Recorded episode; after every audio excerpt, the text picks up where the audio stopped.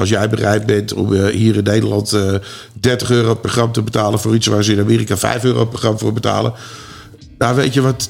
Dan moet je het ook maar lekker doen. Misschien ben je het waard. Weet je, die coffeeshops mogen je pakken. Eh, qua geluid, beeld en alles. eh, Zijn we aan het lopen al? Oké dan. Nou, eh, als jij er ook klaar voor bent, eh, Jair. Ik denk dat ik er wel klaar voor ben. Nou, mooi. Dan eh, grijp ik deze gelegenheid zoals gewoonlijk weer aan om iedereen welkom te heten en te bedanken voor het luisteren en kijken naar een nieuwe aflevering van de High Cloud podcast. Mijn naam is Ankel Koes en vandaag zit ik in Hartje Amsterdam met een hele speciale gast, Jair Velleman. Jair, dankjewel voor je gastvrijheid. Ja, dankjewel. Leuk om je bij mij aan mijn, aan mijn huistafel te hebben. Nou, we ja. zitten, eh, achter je ziet, eh, we zitten echt aan de gracht hier. Echt op de Prinsengracht, een echt prachtige locatie hier zo, waar we allerlei lekkers en moois eh, tentoon hebben gespreid om het te hebben over, over jou, over je prestaties, over je, je carrière in de cannabisindustrie en de cowboyverhalen die daarbij horen, als ik ze zo mag noemen. Ehm, want, want vertel eens even voor de mensen die, die geen idee hebben naar wie ze zitten te kijken op het moment. Wie is Jair? Eh, wow. Eh, Dat is, een hele, is een hele diepe vraag. Eh, Ja. eh, daar kan je natuurlijk een heel lang antwoord geven, een heel kort antwoord. Ik denk, om het, om het even heel kort te houden, want het daarna zullen we nog wel in de details gaan. Eh Jair is een cannabis-entrepreneur. Dat betekent dat ik het leuk vind om dingen met cannabis te doen. Dat doe ik al voor 30 jaar. En er zit mijn passie in. En ik geloof in cannabis als een, als een product eh, eh, eh, voor recreatief. En ik geloof dat cannabis een, een goed medicijn is voor een hele hoop mensen. En ik denk dat cannabis ehm, uit, uit een bepaalde hoek moet komen. Dus ik, het is niet alleen een entrepreneur, maar ook als activist. Dus, dus, dus in veel verschillende vormen. Entrepreneur, activist, tegenwoordig zelfs in, eh, eh, eh, filantroop. Dus, eh, ehm, en ik- gewoon terug te geven. Om terug te geven. Ik bedoel, eh, ik heb het vrij goed gedaan in cannabis. En ik heb, vrij, ik heb, ik heb, ik heb, ik heb leuk kunnen boeren. Ja, En ik vind dat als je, als je ergens wat kan verdienen... dat je best wel daarvan een deel kan dat je de teruggeven. tafel langer mag maken en niet per se je bordje voller moet gooien. Ja, zeg maar. ja nee, zoiets. Ja, ja. Dus, eh, en eh, en eh, ja, je moet, je moet delen. En, en buiten dat, wie niet kan delen, kan niet vermenigvuldigen. Nou, dat is één ding wat zeker is. ja, thanks. En je vertelt, je zit al 30 jaar in de cannabisindustrie. Eh, je bent een, een, ondernemer, verschillende bedrijven op het moment in, de, in die cannabis space.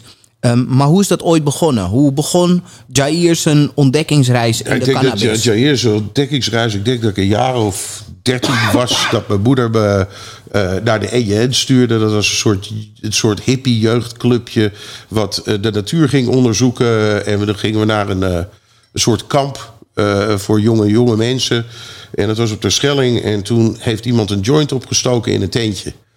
En toen heb ik meegerookt en eh, heb een enorme lachkick gehad van vijf uur lang over een ongelooflijk flauwe grap waar je absoluut niet om kon lachen.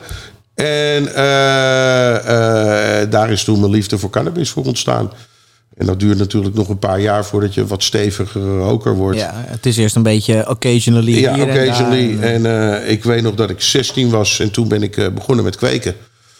Mijn eerste tuintje was samen met mijn moeder. Dat was 6000 wattlampjes en 300 plantjes in de kelder. Eh, waar ik. eh, eh, Noem het maar tuintje. ja, ja, ja. Nou ja, weet je, kijk, het voordeel is, het is, het is al, praat u hoor je over 30 jaar geleden. Dus, dus ja, de- toen was de, het heel normaal. Nee, maar ook de Statue of Limitations. Dus ik kan het nu tegenwoordig wel Ja, zeggen. het is verjaard Ja, allemaal, het is ja, ja, allemaal verjaard. Dus, oh, oh, oh, dus, dus, dus ik maak me niet zo heel erg zorgen meer. En toen, toen ben ik, de, ik weet nog dat ik daar toen een Northern Special was ik toen aan het kweken. En dat ging dan hier naar Amsterdam naar een koffieshop toe. Want dat rookte ik natuurlijk bij lange na niet allemaal zelf op. En eh, eh, dat, was, dat ging heel leuk. Dat heb ik een tijdje gedaan. En eh, daarna ben ik ook, heb ik gewoon allemaal normale baantjes ook gehad. Maar aan, zijdelings van mijn baantjes was ik altijd aan het kweken. Kweken vond ik leuk. Ik vond het leuk om met plantjes eh, om te gaan. Ik vond het leuk om kwekerijtjes te doen. En eh, ja, en dan begin je met één kwekerijtje. En op een gegeven moment heb je twee kwekerijtjes. En dan ga je een beetje lopen hosselen. Ja. En eh, ja, je verdient wat bij. Dus dat is natuurlijk ook helemaal niet erg. En ehm, ja, heel, heel langzaam liep dat door. Tot ik op een gegeven moment in een klein dorpje in Noord-Holland terecht kwam. Nadat ik, ik, ik heb. Ik heb, vroeger heb ik nog eh, eh, eh, in de psychedelica gezeten. Dus ik heb vijf winkels gehad in de tijd dat de paddenstoelen nog allemaal legaal waren. En die heette Dr. Paddo. Ik ben een van de mensen die dat opgezet heeft in Nederland. En op een gegeven moment ging dat bedrijf fout. En toen kwam ik in de, in de problemen terecht. Nou schuldsanering, ellende. En toen kwam ik in een heel klein gehuchtje terecht. En daar zat een growshop. En die growshop die was eigenlijk amper open. En ik heb die jongen gezegd van, nou, maak mijn partner in die shop. Dan gooi ik hem elke dag open. En dan gaan we kijken of we er echt iets van kunnen maken van dit bedrijf. En toen ben ik eigenlijk echt de cannabisbranche ingegaan. nou, ik kwam er al heel vlug achter dat de growshop het niet echt was. Daar kon je nou, uiteindelijk niet echt geld mee verdienen. Dat was ook maar een rare hossel. En toen ben ik eh, spullen uit Amerika gaan importeren... en spullen van Nederland naar Amerika gaan exporteren. En daar zat wat in. Toen werd ik een groothandel. Maar wel nog steeds in die cannabisproducten. Ja, Gewoon, allemaal eh, cannabisproducten van eh, voedingen naar, naar reflectoren, naar lampen, naar alles wat, er- wat ik ook. Wat maar... ze daar niet hadden, Wat ze daar niet hadden, kon ik daarheen en sturen en andersom. Dus, dus iedereen wil altijd spullen die van verkopen voorkomen. Dat vinden ze exotisch. Ja. Mensen zijn bereid om daar een hogere prijs voor te betalen. Nou ja, op het moment dat je dat begrijpt, dan kan je daar geld mee gaan verdienen. Dus dat, dus dat was de manier waarop ik dat deed. Nou ja, ik had... eh, eh, eh, en toen ben ik er op een gegeven moment heel langzaam. eh, hebben we dat uitgebreid naar vijf of zes bedrijven. Ik ben nog een, een, cannabis magazine begonnen. Dat heette Garden Culture Magazine. Ik ben nog publisher geweest. Ik heb eh trade shows in Engeland gedaan. eh heette de Homegrown Expo. Ik heb nog, ik heb, ik heb letterlijk ik heb alles wel een keer geprobeerd. En toen op een gegeven moment had ik een hele rij bedrijven. En toen was er eentje die begon op te vallen. En dat was Gavita. En dat was mijn lampenbedrijf. En toen heb ik een, eh, eh, een keuze gemaakt. Ik denk dat dit tien jaar geleden ongeveer is. Nou, misschien wel wat langer, zoals nu al. Heb ik een keuze gemaakt om heel veel bedrijven eigenlijk van de hand te doen. Want naar mijn idee kan je niet vier, vijf bedrijven hebben. En ze allemaal goed laten gaan. Ik zei het gisteren nog tegen een, eh, een, een jonge ondernemer. die bezig is ook met allemaal leuke projecten. Ehm, ik zei hem, maat, het maakt niet uit hoe goed je kan paardrijden. Je kan niet op vier paarden tegelijk zitten en de race winnen. Nee, maar op zich, om, om, om, om op meerdere paarden te wedden, kan geen kwaad. Alleen je moet op een gegeven moment, als je je winnende paard vindt. Ja. Moet je ook die andere paarden, dan moet je al die andere paarden weer op stal zetten. Ja, en gewoon nou ja, dus, dus, dus ik heb bedrijven eh, op slot gedaan. Ik heb bedrijven verkocht. eh, cadeau gegeven aan vrienden. Eh, ja, nee, sommige dingen zijn gewoon amper geld waard. Weet je, dan ga je uiteindelijk... Ga je, je kan wel een loontje verdienen, maar meer als een loontje kwam er niet uit. Nou ja, dan kan je beter gewoon aan een maatje van je geven. Hier, heb die er wat uit kan halen. Kan wat wat voor uit- bedrijf heb je cadeau gedaan bijvoorbeeld? uit Gardeculture Magazine. dat is, eh, die eh, is naar een eh, vriend van me in Canada gegaan. En ik denk dat ik daar 10.000 eh, 10.000 euro voor gekregen heb uiteindelijk. En daar is zeker anderhalve ton in gegaan. Ja, ja, dus, ja. dus, dus nee, niet alles. Ik bedoel, zoals ik al zeg... niet alles gaat altijd goed. Nee, nee, nee. nee. Er zijn ook genoeg, eh, er zijn genoeg momenten waarop ik gefaald heb. Ja. Ja, dat blijkt wel dat je ook uiteindelijk in de schuldsanering eh, terecht bent gekomen, in de problemen terecht bent gekomen, maar ook wel weer je weg eh Ja, nee, af, door absoluut. Doorzetten. schuldsanering was super zwaar. En geeft ook aan dat je fouten maakt. En ik zeg al, winners are not the one that... eh, eh, never make mistakes. It's the one that never quits. Ja. En dat zijn winnaars. En, en consistentie. eh, de consistentie en maar door blijven gaan. En als je af en toe krijg je een paar hele zware knallen. Ja. En dan moet, je, dan moet je weer jezelf als de bron van Munchausen aan je kraag naar boven trekken. En door. dan gaan we nog een keertje door. En dan hopen dat je niet doodgaat, letterlijk. Ja. En dus je hebt, je hebt die bedrijven van de hand gedaan. Je zag Gavita gaat als een malle. Ja, toen heb ik, ben ik naar mijn partners in Gavita gegaan. Toen heb ik gezegd van moet je luisteren. Naar mijn idee, de enige manier om dit bedrijf groot te maken... is als ik naar Amerika ga. En heel veel mensen in die tijd waren nog helemaal niet in Amerika bezig. Want Amerika was alleen nog maar een black market. Dus de legalisatie was nog, eh, was, was nog niet begonnen. En ehm, eh, eh, ik ging naar Amerika toe met een lampje onder, onder mijn arm. En toen zeiden mensen tegen mij: ja, eh, Californië is de grootste markt. Dat was op dat moment of zo. Ik denk dat dat nog steeds wel zo is. Eh, ga naar Californië toe, maar blijf weg uit Humboldt. Ja. Want Humboldt, daar zitten, dat was de plek waar het toen allemaal gebeurde in die tijd. Daar praat ik over 2007, 2008 ongeveer. En blijf weg uit Humboldt, want in Humboldt zijn ze allemaal heel erg... Het zijn farmers en ze zijn heel erg... eh, ze hebben oogkleppen op. Dus het is hun manier. En alle andere manieren die gooien ze overboord. Nou ja, je moet je voorstellen. Toen ik naar Amerika ging, wisten mensen echt niet hoe ze moesten kweken. Eh, wat ik gedaan heb, is ik heb de, de, de, de commerciële manier van kweken genomen. En die heb ik geïntroduceerd in Amerika. Nou ja, dat is de manier waarop iedereen nu kweekt. Eh, ehm, en ik durf heel eerlijk te zeggen dat ik de eerste, de eerste echte consulent was in Amerika. Die mensen leerde hoe ze commercieel moesten kweken. En mensen hadden daar toen hele grote reflectoren met stukken glas ervoor en afzuiging. En die kweekten maar 700 gram onder, een- onder een 1000 watt lamp. en eh, toen kwam ik met mijn systemen en die heb ik verteld van nou, dan moet je de lampen helemaal tegen het plafond aanhangen. In plaats van zo dicht tegen boven je planten. En toen gingen ze opeens van 700 gram naar 1500 gram. En ja, dat was natuurlijk een enorm verschil. Dat je, voor de, dat, dat je mensen letterlijk hun oogst ging verdubbelen. Ja. Dus de eerste vijf trips, toen ging ik naar Humboldt toe. Omdat iedereen tegen me zei... Daar moet je niet daar heen. Moet je niet heen. Dus dacht, daar ga ik Jair, daar, daar ga ik heen, want zo zit ik wel in elkaar. Ja. En daar ben ik dus één voor één, kweker per kweker, ben ik bezig geweest om dat, eh, om dat over te zetten. Ja, dat was eh, vreselijk leuk. Ik kan me nog wel herinneren dat ik op een gegeven moment, ik, ik weet niet, eh, ehm, eh, ik weet niet of mensen toevallig eh, de, de, de Netflix-serie hebben gezegd, Murder Mountain. Ja, toch Murder Mountain. Ja, eh, eh. Jongens, als je nu zit te kijken of te luisteren... en, en je, je bent klaar met het luisteren van deze podcast... want die luister je Ja, zoek- natuurlijk zoek- helemaal zoek- tot het eind. Murder Mountain op. Murder Mountain op Netflix. Dat is één gekke serie over die Humboldt Ja, Triangle daar ja, zo. ja, nou, mensen, mensen, vroegen, mensen zeiden altijd dat is een overdreven serie. Nou, ik kan je vertellen, dat is het niet. Die serie is super on point met hoe het daar was. Ik weet het ook nog. Eh, Eldridge Point en zo zijn plekken waar ik echt wel geweest ben. Eh, maar ik ben nog op veel sketchier plekken. De, gek genoeg was Murder Mountain was nog niet eens... De, meest, engste plek. de, de meest sketchy plek. eh, Heb jij je echt oprecht geïntimideerd gevoeld daar in die... eh, ja, oh ja, ja, ja, ja, ja. Ik, heb, ik heb er een paar momenten meegemaakt. Dat het was nog allemaal in de zwarte markttijd. Dus dan werd je door iemand werd je naar een kwekerij. Die hadden dan eh, acht of tien greenhouses op een berg staan. En dan werd je meegenomen. Nou, dan reed je dan drie kwartier door een soort landweggetje heen. En op een gegeven moment komt een groot hek. En dan staan er eh, twee jongens op een kwad met, met gezichtsdoeken voor.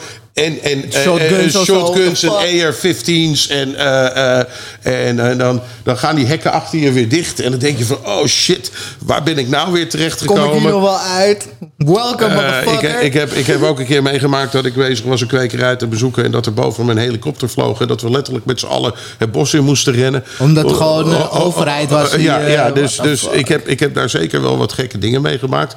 Was ook ontzettend spannend. Want eh, eh, ja, iedereen had een beetje van Humboldt gehoord. Maar omdat first hand, als, omdat als Nederlander eh, daar binnengebracht te worden en alles te kunnen zien en te kunnen meemaken. En eh, mensen die in de achterkamer, want ja, eh, je had daar hydroponic stores. Nou, dat was voor tomaten. En iedereen wist, maar niemand praatte erover. Maar je werd, op het moment dat je de achterkamertjes werd binnengelaten, dan, dan kwamen er gesprekken. Of bij mensen thuis. En het was gewoon fantastisch. Ik bedoel, wat ik daar die paar jaar daar heb meegemaakt in Californië, eerste paar jaar, daar kan ik een boek over schrijven. Dat is het, is het meest. Het was zo fantastisch eh, om dat mee te maken. Toen ging natuurlijk op een gegeven moment kwam Denver.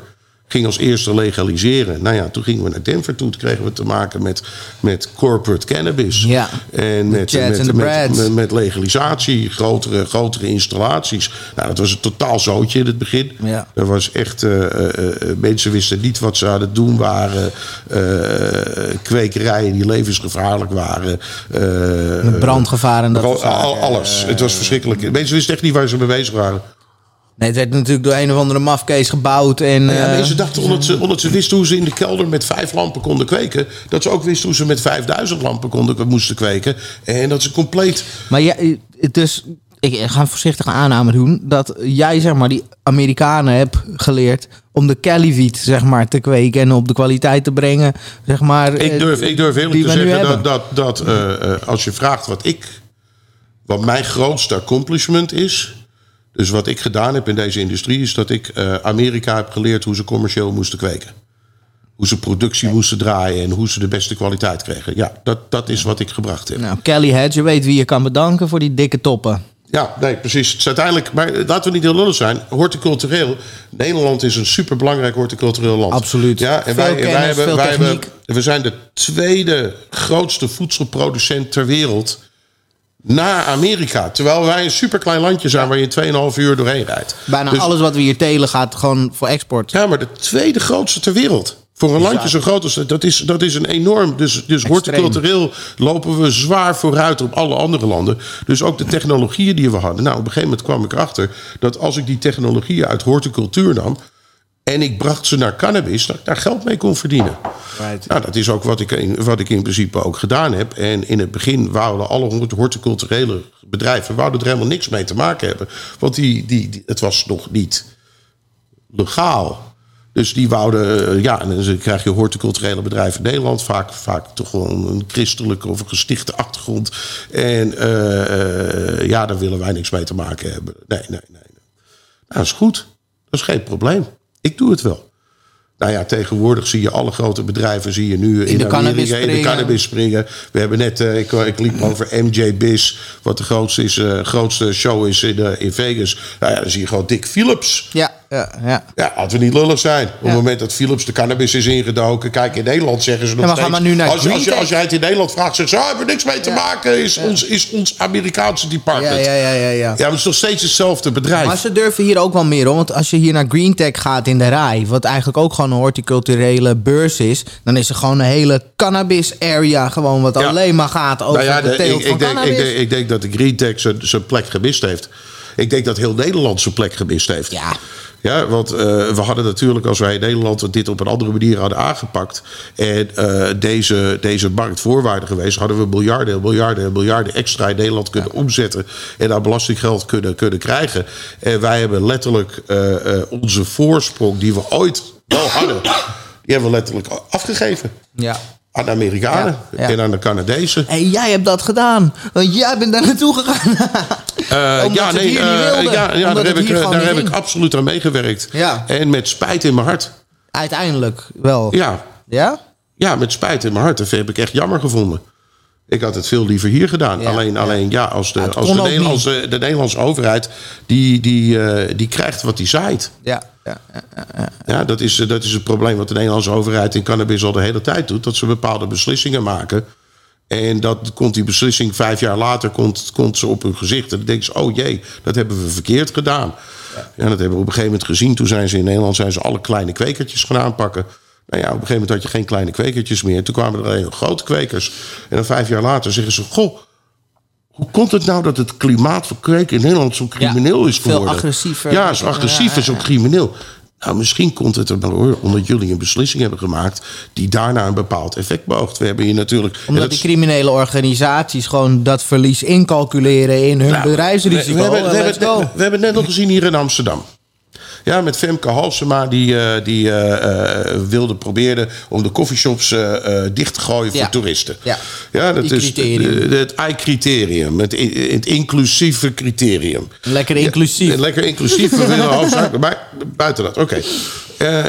Femke probeert Amsterdam te veranderen in een soort museum. Dat is, ik denk dat. Het dus daar- Nutella-museum. ja, Nutella Museum. Dus daar paste, daar paste natuurlijk al die, al die blowers pasten daar niet bij. Het is niet alsof dit de mensen zijn die overlast in Amsterdam geven. Want dat zijn meestal de mensen die drinken en niet de mensen die blowen. Maar het maakt niet uit. eh, zij had haar redenen om dat eruit te willen krijgen. Nou ja, dan moet je je voorstellen. ehm, eh, als zij dan, als de, de- gelukkig heeft de gemeenteraad nee gezegd. En die is daar niet Ja. mee op meegegaan. Dat is net een maand, twee, twee maanden geleden. Shout-out naar de gemeenteraad. Ja, shout-out eh, aan, eh, aan alle jongens die eh, gelobbyd hebben. En hard gewerkt hebben om te zorgen dat dit niet gebeurd is. 100%. Ja, en ehm, eh, dank je, Joa. En, eh, ehm, en ja, op het moment dat dat wel gelukt was, dan was dus de, de, de handel naar de straat gegaan. Nou, dan hadden we straatdealers gehad. Ja. Nou, volgens eh, Femke zouden de huidige straatdealers die handel wel overnemen. Nou ja, als je weet hoeveel mensen een pakje kook zoeken En als je weet hoeveel mensen een joint zoeken in Amsterdam, dan gaat die ene dealer gaat die duizenden mensen niet kunnen helpen. Dat betekent dat voor elke dealer er 300 dealers meer Bijkomen. komen, bijkomen. Nou ja, dan, ligt, dan, dan is het net wel Amsterdam weer zoals de jaren 80 op, de, eh, op het Damrak. Dan word je om de twee meter word je aangesproken door, door een of Door andere een vervelende dealer die of troep gaat verkopen. Juist. Ja.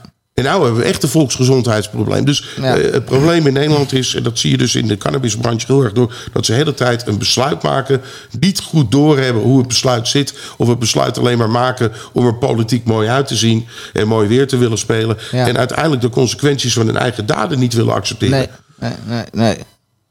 Ja, fucked up. Zitten meteen in dat beleidsverhaal nu ook weer. Nou, weet je nog wat veel grappiger is als ik je vertel? Nou ja, je kent eh, de, de serie Cannabis. Die is een tijdje geleden Ja. op tv geweest. Nou ja, NPO, nu, toch? Ja, ja, en nu ga ik je nog wat leukers vertellen. Dege- degene die die serie heeft geproduceerd, dat is de man van Femke Halsema. Nu moet jij je Die, afvragen... die ene gewapende. Ja, nee, maar die nu, moet jij... dus, dus, dus, eh, dus aan de ene kant proberen ze te bestrijden... terwijl in, in de bed aan de andere kant in Amsterdam... proberen ze, proberen ze, proberen ze, proberen ze eraan te verdienen. Ik zit me af te vragen hoe die twee op, op een kussen hebben gelegen samen... Zo. en daarover gesproken hebben. Hoe was het op je werk vandaag? Ja, vertel, vertel eens. Ik was de wietindustrie aan het verheerlijken. Hoe was het op jouw werk vandaag? Ik was de wietindustrie aan het kapotmaken. Ja, nee, letterlijk. Ik, kan, ik, ik wou dat ik een vlieg op de muur zou kunnen zijn... in die tijd bij Femke, hoe, hoe dat gegaan is. Ik denk dat je was ontploft. Gewoon van verwarring. Ik denk dat je dat gewoon... Een vlieg kan dat niet, niet verwerken, joh. Maar ja, ik, kan dat eh, dan maar buiten dat, ja, dus in Nederland heeft dus zijn- plek eigenlijk Volledig verspeeld. volledig verspeeld. En dat is ook nu niet meer terug te halen. Nee. We zijn, En Amerika zag dat wel. En Amerika, eh, bepaalde staten, die, die gaven wel ruimte voor, voor die ontwikkelingen. Jij was daarbij. Gavita was daarbij als bedrijf. Heeft gewoon echt aan de, aan de vooravond gestaan van de grote ontwikkelingen en de grote Ja. eh, revolutie in, in cannabisland in Amerika. ja, in, in, in, in kweektechnieken was dat de grote revolutie. Ja. In samenwerking met, met eh, roltafels en, en, en gewoon kweken zoals je eigenlijk dat hier in Nederland in de kassen ziet. Ja. Dus er was niks nieuws aan. Ik moest alleen zorgen dat dat geïntroduceerd werd. En doordat ik mensen uitlegde hoe ze moesten kweken... en hoe ze meer rendement moesten krijgen... verkocht ik automatisch mijn producten. Wat een fantastisch, natuurlijk een fantastisch verhaal was. Eh, dus eh, heel veel mazzel gehad. En op een gegeven moment, eh, met Gravita zijn wij op een gegeven moment... het, het grootste horticul- horticulturele verlichtingsbedrijf ter wereld geworden. En want we zaten natuurlijk niet alleen in Amerika... we zaten wereldwijd. En we zaten ook niet alleen in de cannabis. We zaten ook in tomaten en komkommers en bloemen. En ik bedoel, Juist. eh, eh, het gaat om het kweken van planten. Ja. Uiteindelijk. En, en, en daar kan je in allerlei markten kan je daar, eh, kan je daar verkopen. En dat was, dat was eigenlijk eh Gravita. En op een gegeven moment een beetje op de top van, alle, van de markt. Toen kwam er een, een bedrijf, dat was Scots Miracle Grow. Nou, welke gaat het worden? Ik weet het niet. Ik heb allemaal lekkers gekregen van eh Hashman, Amsterdam.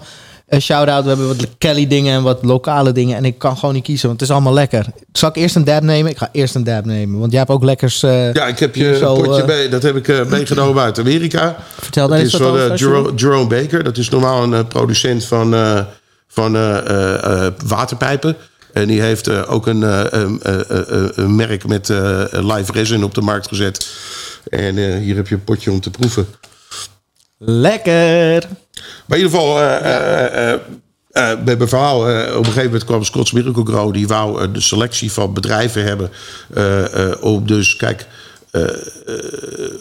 om dus de cannabismarkt aan te leveren. Dus niet daadwerkelijk in de cannabis te gaan. Maar eigenlijk alle spullen die Eromheen. eromheen. En toen heb ik mijn bedrijf kunnen verkopen voor een, een mooi bedrag. Als je het echt wil weten, kan je het vast wel vinden op internet. Het staat op internet. Ja, eh, eh, eh, ik had vijf partners, dus dat was ik niet helemaal alleen. Je moet goede partners hebben. Legend says it was a lot. Het was, het was een, nou ja, ik heb als Nederlander heb ik echt de American Dream kunnen meemaken. En dat is heel leuk. En dan op een gegeven moment dan verkoop je je bedrijf. En dan, eh, dan eh, raak je.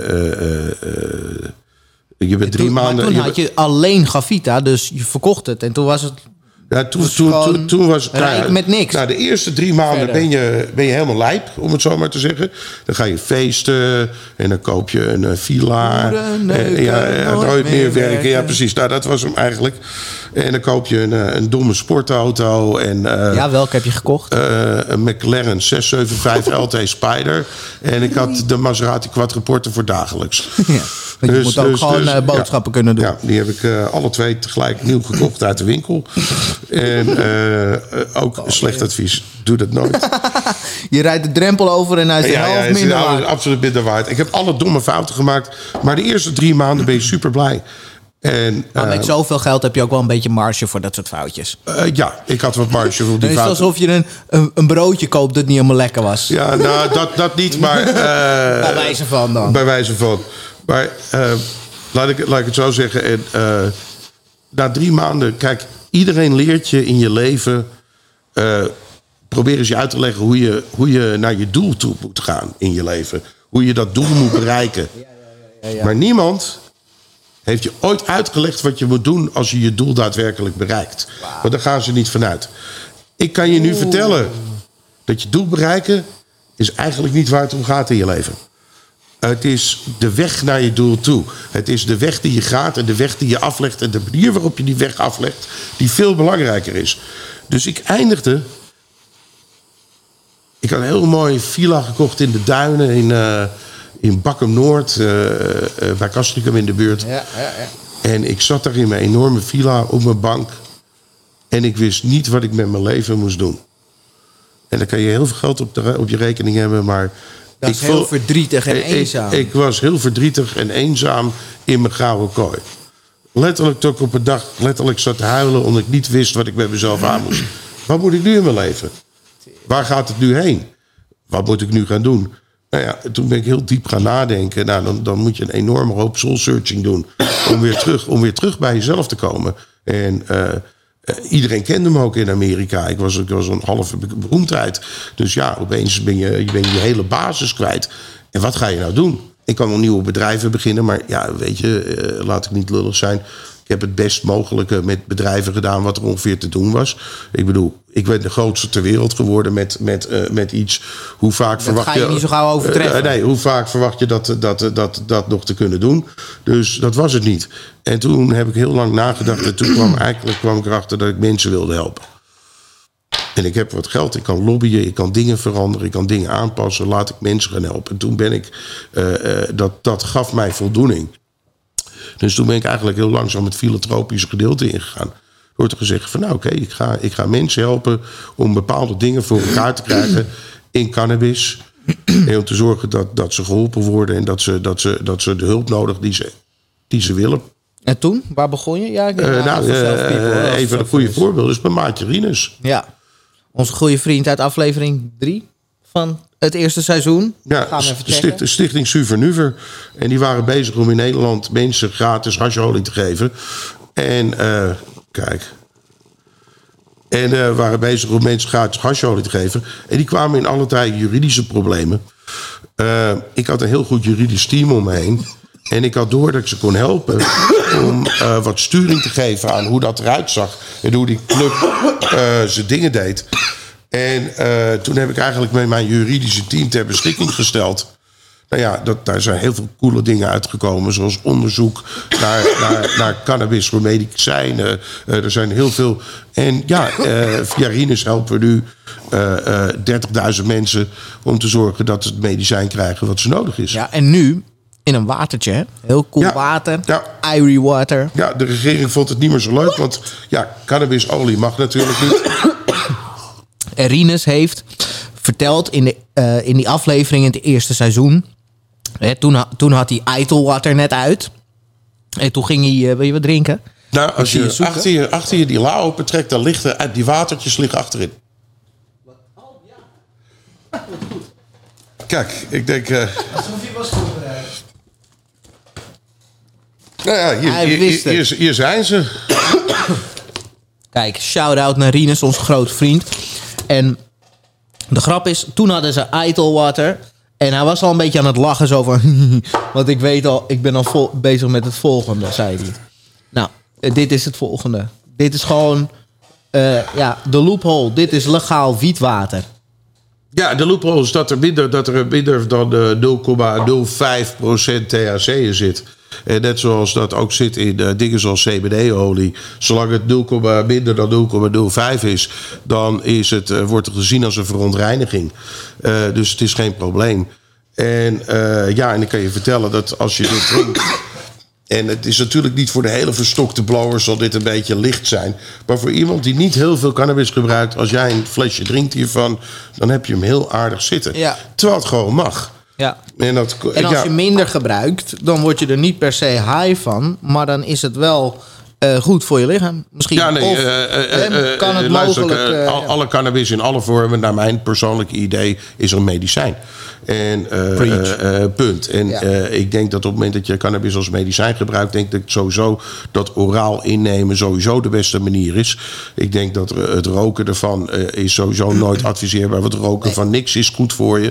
Eh, dus mensen die niet roken, ga je niet vertellen dat ze iets Ga moeten gaan niet roken. En als je rookt, jongens, doe het op een zo ehm, ja, least unhealthy way possible. Dus ik adviseer altijd zonder tabak. Ja, rook- En met nee, eh, rook absoluut. Active filtertjes. Hè, dan een papieren eh, eh, tip die filtert niks. En een koolstoffilter die filtert in ieder geval de grote roetdeeltjes en dat soort dingen. En die zorgen dat je niet zo gauw bronchitis krijgt. Maar rook niet met tabak. Dat zien we natuurlijk in Amerika al. Ik Ja. begrijp natuurlijk ook wel. eh, ik heb ook heel jarenlang met tabak gerookt. Ik heb de neiging met tabak te roken. Is niet heel goed. Het is ook niet iets waar ik eh, heel trots op ben. Eh, ik zie de nieuwe generatie zie ik, puur roken. Daar word ik heel erg blij van. Ik denk ook dat dat de toekomst is. Ja, Eh, ehm, eh, dus ja. Maar in ieder geval. Irie Water. En eh, heel cool product. Het is legaal. En het valt, het valt binnen de, de, de regels van de wet. En het zorgt dat, dat toch zulke patiënten nog aangeleverd kunnen worden. En ja, eh, dit is de reden dat je een goed legal team nodig hebt om Ja. te kijken hoe Wat je, kan, wat kan niet. en wat niet kan. En ook op het moment dat je aangevallen wordt, dat je jezelf daadwerkelijk kan verdedigen. Zoals hij nu ook heeft gedaan. Ja, zoals je dat ook heeft gedaan. En zoals dat waarschijnlijk in de toekomst ook weer, weer zal moeten. Want ik kan me niet voorstellen dat dit gewoon gaat gebeuren en dat ze dit gaan accepteren. Ik verwacht Nee, best dat, dat, dat, Maar ik geloof ook wel weer dat Rinus ook alweer het volgende idee op de plank heeft. Ja, moet ik wel Zo toegeven dat als ze dit illegaal zouden maken, dan, dan betekent dat ze ook de hele ja, CBD-markt dan is de hele CBD-markt op zijn gat. op zijn Ja, gat. Want ja, die hebben, 100%. eh, dat is dus, dus, dus ja, want daar zit dat verhaal van 0,05 in.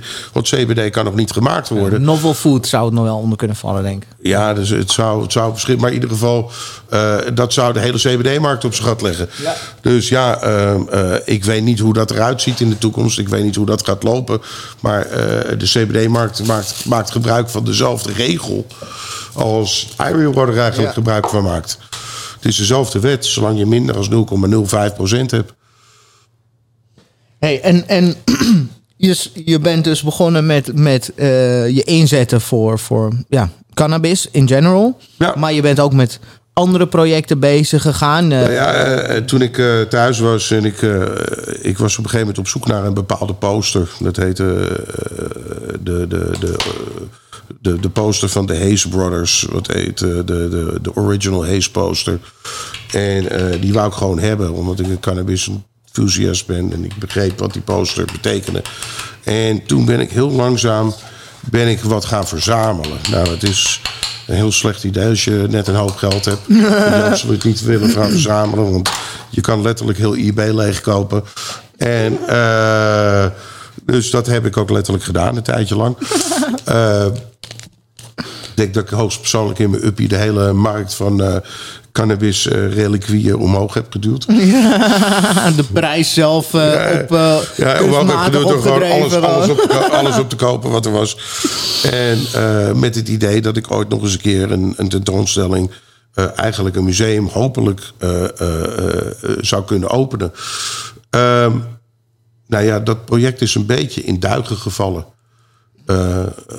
voor, door corona. Want ja, om nou in een, eh, in een pandemie een museum te beginnen is echt een heel slim. No bueno. Een no bueno. Dus ik heb het hele project op eh, ijs gezet. Dat was eigenlijk was dat om terug te geven aan, aan, aan iedereen. Even letterlijk en figuurlijk in de kelder. Ja, en het staat letterlijk in de kelder staan een stel pallets eh, met daarop Gave dingen. super gave dingen. Ja, het is niet anders. Ik heb er vandaag even eentje neergezet. Ja. Wat ik denk dat een van de gaafste objecten is die ik bezit. Dat is een, eh, eh, een, een, een rainbow eh, surfboard. Die, deze is, dit is zelfs een gebruikte prop uit de film Orange Sunshine. En het waren dus de, ehm, de Brothers, de, de, de Brotherhood of Eternal Love. En de Brotherhood of Eternal Love, die, die smokkelde Afghaanse hash uit Afghanistan met surfboards. In dat vakje dat je daar ja, een beetje een in het in, dat midden kan je misschien ziet. wel moeilijk zien. Ik nu. denk wel dat je het ziet. Maar eh, daar, daar, daar, stopt, daar, daar hadden ze dus een opening en ze stopte het hele surfboard vol. En dan ging dat op het dak van een auto met twee of drie surfboards. En dat werd teruggere- teruggereden. Naar, en uiteindelijk naar Amerika toe. En eh, eh, eh, het leuke daarvan is ten eerste om te weten dat Afghanistan geen zee heeft. Het is een landlocked land. Dus überhaupt ja, om daar met de zelf surfboarden heen te rijden... Is een beetje Is raar. echt sowieso een Oh beetje ja, what the fuck? dus, dus, eh, dat was, dus dat was sowieso, als je daarin duikt, dan zit je van... Huh? Eh, en dan heb je ook nog eens het verhaal dat iedereen in Amerika zegt dat, dat ze die hash gerookt hebben. Maar ik geloof niet dat er zoveel hash past in die fucking surfboards. Eh, maar ik- ja, verhalen veranderen ook natuurlijk een beetje. En toen kwamen die jongens van, want iedereen herkent die naam waarschijnlijk wel, van Brotherhood of Eternal Love. Die jongens namen dus de, de opbrengsten van die, van die hash-smokkel. en die gebruikten ze om met mensen zoals Timothy Leary uiteindelijk Orange Sunshine te produceren. En de Orange Sunshine was natuurlijk de LSD. En zo is de hele psyche, de, de, de, de, de hele. eh, de hele revolutie, de, de, Psychedelische de revolutie psychedelische gewoon revolutie in in Amerika. Is op die manier opgestart. Ja. Dus ehm, eh, dit is een heel mooi artefact wat te maken heeft met een stukje cannabis-historie, Super gaaf. En zo is er nog een vol. historie en surf-historie. Ja. En zo is er nog een kelder vol aan gave dingetjes gewoon. Ik Ja, hoop dat het je wel lukt om, eh, om, om een gaaf eh, museum te openen. weet je, ik hoop Waar dat- zou je dat eh, willen doen? Hier in Amsterdam? Hier in Amsterdam of in San Francisco. Ik sta op zich open, open om dat, dat, in de wereld ergens te doen. Eh, het maakt mij niet heel veel uit waar. Het heeft overal zijn waarde. Eh, kijk, ik hoop dat er op een gegeven moment gewoon iemand langskomt... die eens een keer een mooi pand heeft... en dat letterlijk ter beschikking wil stellen. Dit is ook niet iets wat ik doe om geld aan te verdienen. Eh, dit is wat ik gewoon wil terugdoen. Dus ik zoek naar een goede situatie. En als ik een keer de goede situatie vind... of misschien iemand zegt... ik ga wel een museum beginnen... ik wil je hele voorraad overkopen... om een mooi museum te beginnen... Let's go. dan sta ik daar niet eens afkerig tegenover staan. Nee. Uiteindelijk is dat de reden dat ik het bij elkaar heb Er moet iets moois mee gebeuren. Ja, het heeft me vijf jaar gekost om dat bij elkaar te krijgen. Dat museum. En eh, eh, dat moet, dat, daarom hou ik de collectie ook bij elkaar. Ja. Ik had hem ook al kunnen verkopen. Maar dat is niet de bedoeling. Dus, eh, en, en dat is een van de projecten. Dan, eh, dan ben ik, heb ik ook nog een bedrijf in eh, Amerika. Want ik ben ook de cannabis ingestapt. Dacht van, oh leuk, een vriend van me begon een cannabisbedrijf in Californië. Die zei, hier wil je investeren. Dus ik, eh, ik zit in een cannabisbedrijf in Californië. En ik heb, doe je eh, pre-rolls en zo. ja, of die ja dingen, puff, toch? puff pre-rolls. Ja. En eh, die, die doen we daar. En we, we, we, Is dat ook een gevalletje, ik heb Nederlandse technologie naar Amerika gebracht? Of was dat gewoon... nee, dat is een gevalletje. De? Amerikanen kunnen ons wat leren. Ja? Ja, Echt andere koek daar, oh? ja het is... Het is eh, loopt daar ook een dispensary in. Het is, heeft niks met een koffieshop te maken. Maar dat betekent ook niet altijd, want iedereen zegt ook... eh, ja, we hadden het zo straks voor, voor het gesprek nog over... eh, het, het verhaaltje Kellyweed. Ja, ik wou het net vragen inderdaad. Want we hebben het over hoe, hoe tof die industrie dan in elkaar zit... wat, wat betreft de acceptatie van cannabis... en, en de grootte waarop, eh, de, de schaal waarop dingen gebeuren. Maar je bent niet zo te spreken over, over de wiet zelf. Nee, ik denk dat ik momenteel vind dat de Nederlandse coffeeshops misschien wel betere kwaliteit leveren als de Amerikaanse. Dus, dus eh, eh, nee, ik ben er zeker niet. eh, natuurlijk. Wat rook jij nou graag? Nou ja, ik, ik, eh, ik, ik, ik zit hier nog steeds gewoon in een heel ouderwetse amnesia hees te roken. En eh, ik, ik ben gek van Nederlandse, Nederlandse strains. eh, eh, sativa, dominante hybrides. Zoals een Amnesia Haze, een Super Silver Haze, een Jack Herrer. dat zijn een beetje de smaken. Een Lemon Haze. Dat zijn een beetje de smaken waar ik van hou. Ik hou, ik hou van Sativa Dominant. Ik, het zijn wel allemaal hybrides die ik rook. Ja. Eh, want we moeten wel een beetje top hebben, een beetje vet zijn. Ja, ja. En eh, eh, ja, het zorgt dat ik kan roken en dat ik ook nog kan nadenken. Ja, ja, ja. En als ik op het moment dat ik van die hele zware Amerikaanse indica's rook. De- de- de- ik heb het wel. Als ik naar Amerika ga, dan kan ik bijna geen sativa vinden. Nou, Nee. De eerste twee, drie dagen, dan moet ik echt opletten wat ik rook. Want anders lig ik slapen. Ja, dat is, als je, dat is zo fijn aan bijvoorbeeld eh seedstockers. Die hebben ehm, een hele toffe selectie met zowel Nederlandse strains, of gewoon Nederlandse strains, eh, de classics die je kan kweken, je Jack Herrers en dat soort dingen. Maar ook Humboldt eh, selectie, dat voor ieder wat wil. Ik, ik, ik zal, ik zal daar. En dit, er, is, er is geen geheim over mijn opinie hierover. Ehm, kijk, al die koers komt natuurlijk gewoon van de Hindoe-koers af. Dat is natuurlijk Ja. de, waar het vandaan komt. Dus eh, ze kunnen hoog springen, laag springen. komt allemaal van de Hindoe-koers af.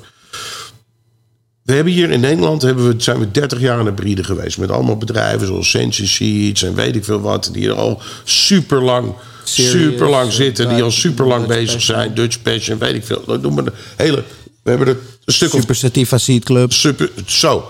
Nou, nou is een he- dat is een hele oude. Eh, eh, eh, die hebben hier over 30 jaar hebben die hier zijn aan het breeden en aan het stabiliseren geweest. En dan kom je uiteindelijk kom je op zo'n 300 verschillende strains uit. Of cultivars. Ik vind strains niet eens. het zijn Nee, geen vier- Cultivar is de, correcte is de naam. correcte naam. Dan kom je op de 300 verschillende cultivars uit. Over 30 jaar. Nu gaat eh, Amerika wordt. eh, nu, ik heb, ik heb, ben in Amerika geweest toen het allemaal dus legaal ging. En dan wordt het dus legaal. En binnen een jaar zijn er 10.000 verschillende soorten koes. Leg het me uit hoe dat kan. Leg me uit met F1, F2's, F3's. Weet je, leg, leg, leg, leg Maar me uit met dat is ook waarom je zoveel instabiele shit eh, Ja, hebt, hè? terugkruisen, stabiliseren. eh, Ja, maar dat is het. Dat gebeurt dus, dus, niet dus, echt. dus naar mijn idee is Amerika niet een land van cultivars. Amerika is een land van fino's.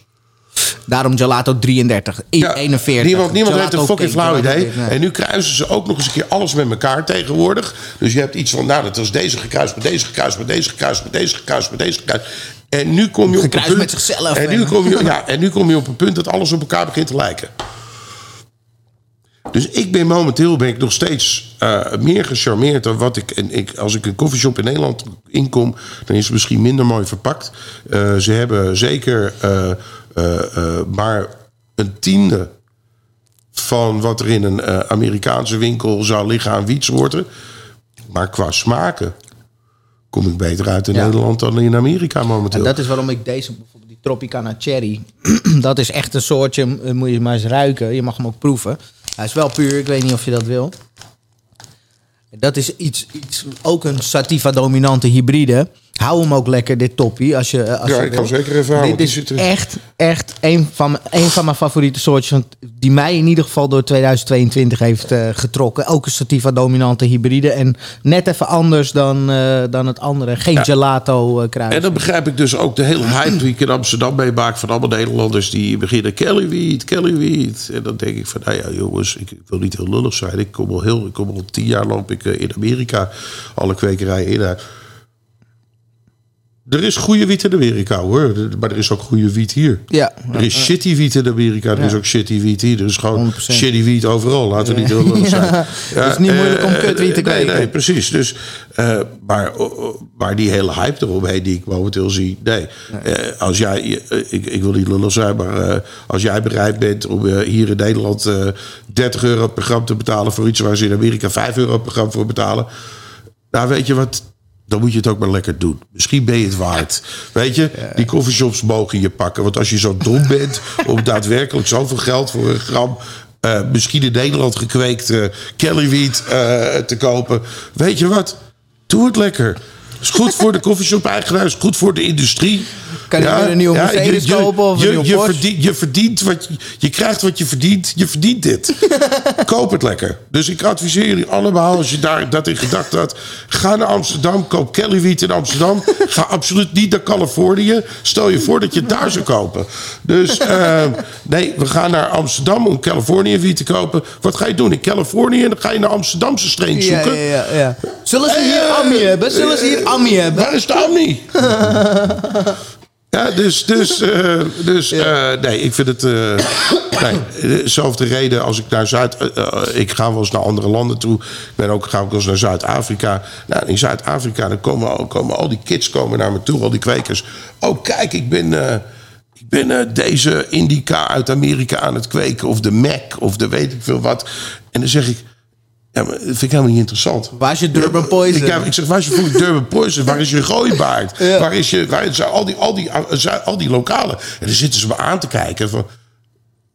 Waarom wil je dat? Ik zeg, ja, maar dat is wat jullie speciaal maakt. En dat is jullie cultuur. En nu krijgen we hetzelfde met Thailand dat legaliseert. Ja. Dus ik geloof dat elke cultuur... Hetzelfde Ik vraag me af of je in een Thaise dispensary nu een goede Thai-stick kan kopen. Ik denk het niet. Ik heb gehoord dat er één plek is waar je thuissticks Ja? kan kopen. Ja, ja, ja, toevallig. Maar ik praat over één plek, hè? Oké, eh, eh. Ik hoop wel eigenlijk dat dat terugkomt. Echte thuissticks. toch Juist dat deze zijn helemaal Ja, zijn. Wordt helemaal- aan de straat verkocht. Dat ja, is nee, ik, als, nou, ik hoop dat als ik naar Thailand ga dit jaar, en dat gaat echt nog wel gebeuren. Ik hoop dat ik een thuisstick kan vinden. Ja. Dat zou ik veel interessanter vinden dan fucking gelato in Thailand te kopen. of amnees. Ja. Of whatever. Ja, ja. Maar dat zie je ook. Je ziet het ook aan de hash die Amsterdam binnenkomt. Eh, vroeger Ja, hadden we alle... echt wel een hashman ook. nou ja, ik, ik hou van traditionele hash, omdat het de cultuur heeft. En eh, nou ja, je ziet het met Marokkaanse hash. Vroeger kwam alles van de Beldia-strain af. En tegenwoordig hebben ze allemaal de blokhash. En hebben ze dus alle strains, dus alle cultivars... hebben ze naar Marokko toegestuurd.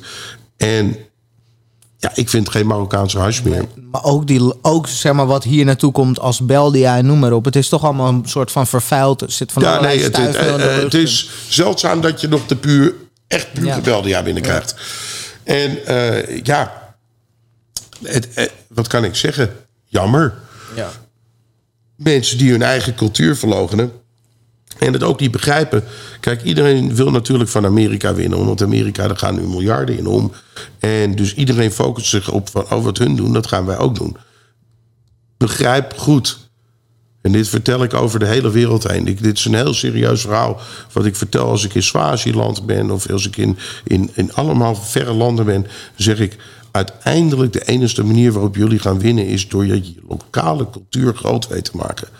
Ga, ga, ga met je lokale strains. Met je lokale smaken. Met die flavors die jullie hier hebben. Dat maakt jou uniek. Niemand wil een Durban Poison kopen van een Amerikaan. Ze hebben ze. Maar niemand wil het. Als jij het als Zuid-Afrikaan aanbiedt. Ja. Ja, of jij hebt een bedrijf in Durban. Je biedt de Durban Poison aan. Nou is er ook nog een verhaal, heel verhaal in uit Afrika. Van is Durban wel een strain? Dat weet ik veel. Maar dan ga ik Oké. vandaag niet eens. Dan ga ik. Of is het de Venen? daar zijn we lang bezig. Oh, nee, ja, ja, daar zijn we te lang bezig. Maar ja, dat is het roddelcircuit van Zuid-Afrika. En, eh, maar in ieder geval, eh, eh, ja, het zijn uiteindelijk al die landen hebben allemaal hun he- eigen specifieke hash- en cannabisculturen. Ja. En de enige manier waarop we hun gaan winnen is als ze dat behouden. Ja, Thailand gaat winnen met de Thai-stick. Dus jij al wetend dat die er niet meer gaat zijn. Doordat iedereen op een andere manier naar die handel gaat kijken. Omdat ze allemaal naar Amerika kijken. En niet begrijpen dat Amerika Amerika Het is. begon meteen, hè? Die, die markt ging open en het was Kelly Weed, Kelly Weed. Ja, maar dat is zo, Amerika is heel goed in marketing. Dat zien we met Coca-Cola en met McDonald's. En alle andere Amerikaanse shit die we hier Het is als een tumor. Kan zich heel goed verspreiden. Nee, kan zich heel goed verspreiden. Maar ook, ze zijn heel goed in marketing. Verpakkingen zien er mooi uit. Woordpuntjes zijn op de i. Eh, en dan weten ze, en laten we niet lullig zijn... eh, McDonald's ziet er heel mooi uit, of de Burger King. Maar uiteindelijk, aan voedingswaarde zit er gereed in. Ja. Ja, probeer, probeer nu maar eens iets te bedenken wat kwalitatief is... en uit Amerika komt echt goed voor je is. Ik wacht. Want het is er niet. Ja. Alles wat kwalitatief is en goed is, Dat komt uit Europa. Uit Europa. Ja, kleren uit Italië. eh, eh, Machines uit Duitsland en ja, Nederland. eh, moet je, als je gaat goed kijken naar al die Amerikanen, die zijn gek op al die Europese dingen. Om de reden dat de kwaliteit hier veel beter Veel is. beter. Dus de vraag is: is Kelly Wheat zo goed of is het beter gemarket? En hier, ik, ik, ik zal een leuke vertellen. Dus ik heb de, eh, de allereerste. Ik, ik ging naar Zuid-Afrika toe en ik heb toen op een dag heb ik daar een cup gegeven. Dat was de allereerste public cup, cannabis cup, die ooit gegeven werd. Iedereen scheet in zijn broek, dacht dat de politie kwam. Die is niet gekomen. Eh, en eh, de tweede keer dat we die cup gaven, toen is er iets leuks gebeurd. Toen hebben wij uiteindelijk hebben we 100 Zuid-Afrikaners gehad die allemaal over Kelly wiet aan het lullen waren. En toen hebben ze uiteindelijk hebben ze, hadden we een cup met 20 soorten wiet. Die zaten in potten. Je mocht overal een, topje uitpakken en dan vertellen wat je ervan vond. Nou, nu kwam het leuk. Dus ze hebben een blindtest gedaan. En op het einde van de dag gewonnen we een Super en als iedereen zo gek was van die Kelly wiet en iedereen las erover aan het lullen. Hoe komt, het dan, hoe komt het dan dat er geen Kelly wiet gewonnen heeft? Dus nu is de vraag, is het de marketing? En dan ga ik mensen vragen. Wat, wat ik, ik, ik, kijk, ik heb, ik heb cookies van cookies gerookt van, van Berner. Ik, ik weet heel aardig, net zoals ik meestal de, de strains hier in Nederland... van, van de breeder zelf heb gerookt. Ik betwijfel dat mensen weten hoe dingen horen te smaken... die bij een bepaalde naam horen. Ja. Ik twijfel eraan. Een stickertje is gauw geprint, hè? Een stickertje is heel gauw geprint. Ja, en hetzelfde heb ik in Amerika. Als ze komen met Nederlandse strains, dan zeggen ze... oh, kijk, hier is een Jack Herrer. En dan rook ik het. Nou, ik heb ooit Jack Herrer van Ben Dronkers gerookt. Ik weet, ik weet hoe het hoort te smaken. Nou, het is geen Jack Herrer. Ik zeg, ja, sorry joh. Hij zegt, nee, echt waar. Ik zeg, nou, echt waar niet. En dan krijg je mensen die bijna boos op je worden. Omdat ze er 100% in hunzelf... of zichzelf ervan overtuigd hebben dat dat, Dat was. Jack Herrer. Dat was Jack Herrer. Of iemand heeft ze het gegeven, het kloontje, gezegd... dit is Jack Herrer. dat en is het gewoon helemaal niet.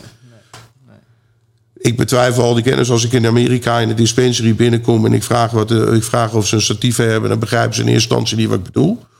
In tweede instantie zeggen ze... oh ja, dat heb ik wel in een vape-pen. Dan zeg ik, ja, maar ik wil wiet. En dan zitten ze al aan te kijken van het spul wat je kruimelt... wat je in een vloedje doet.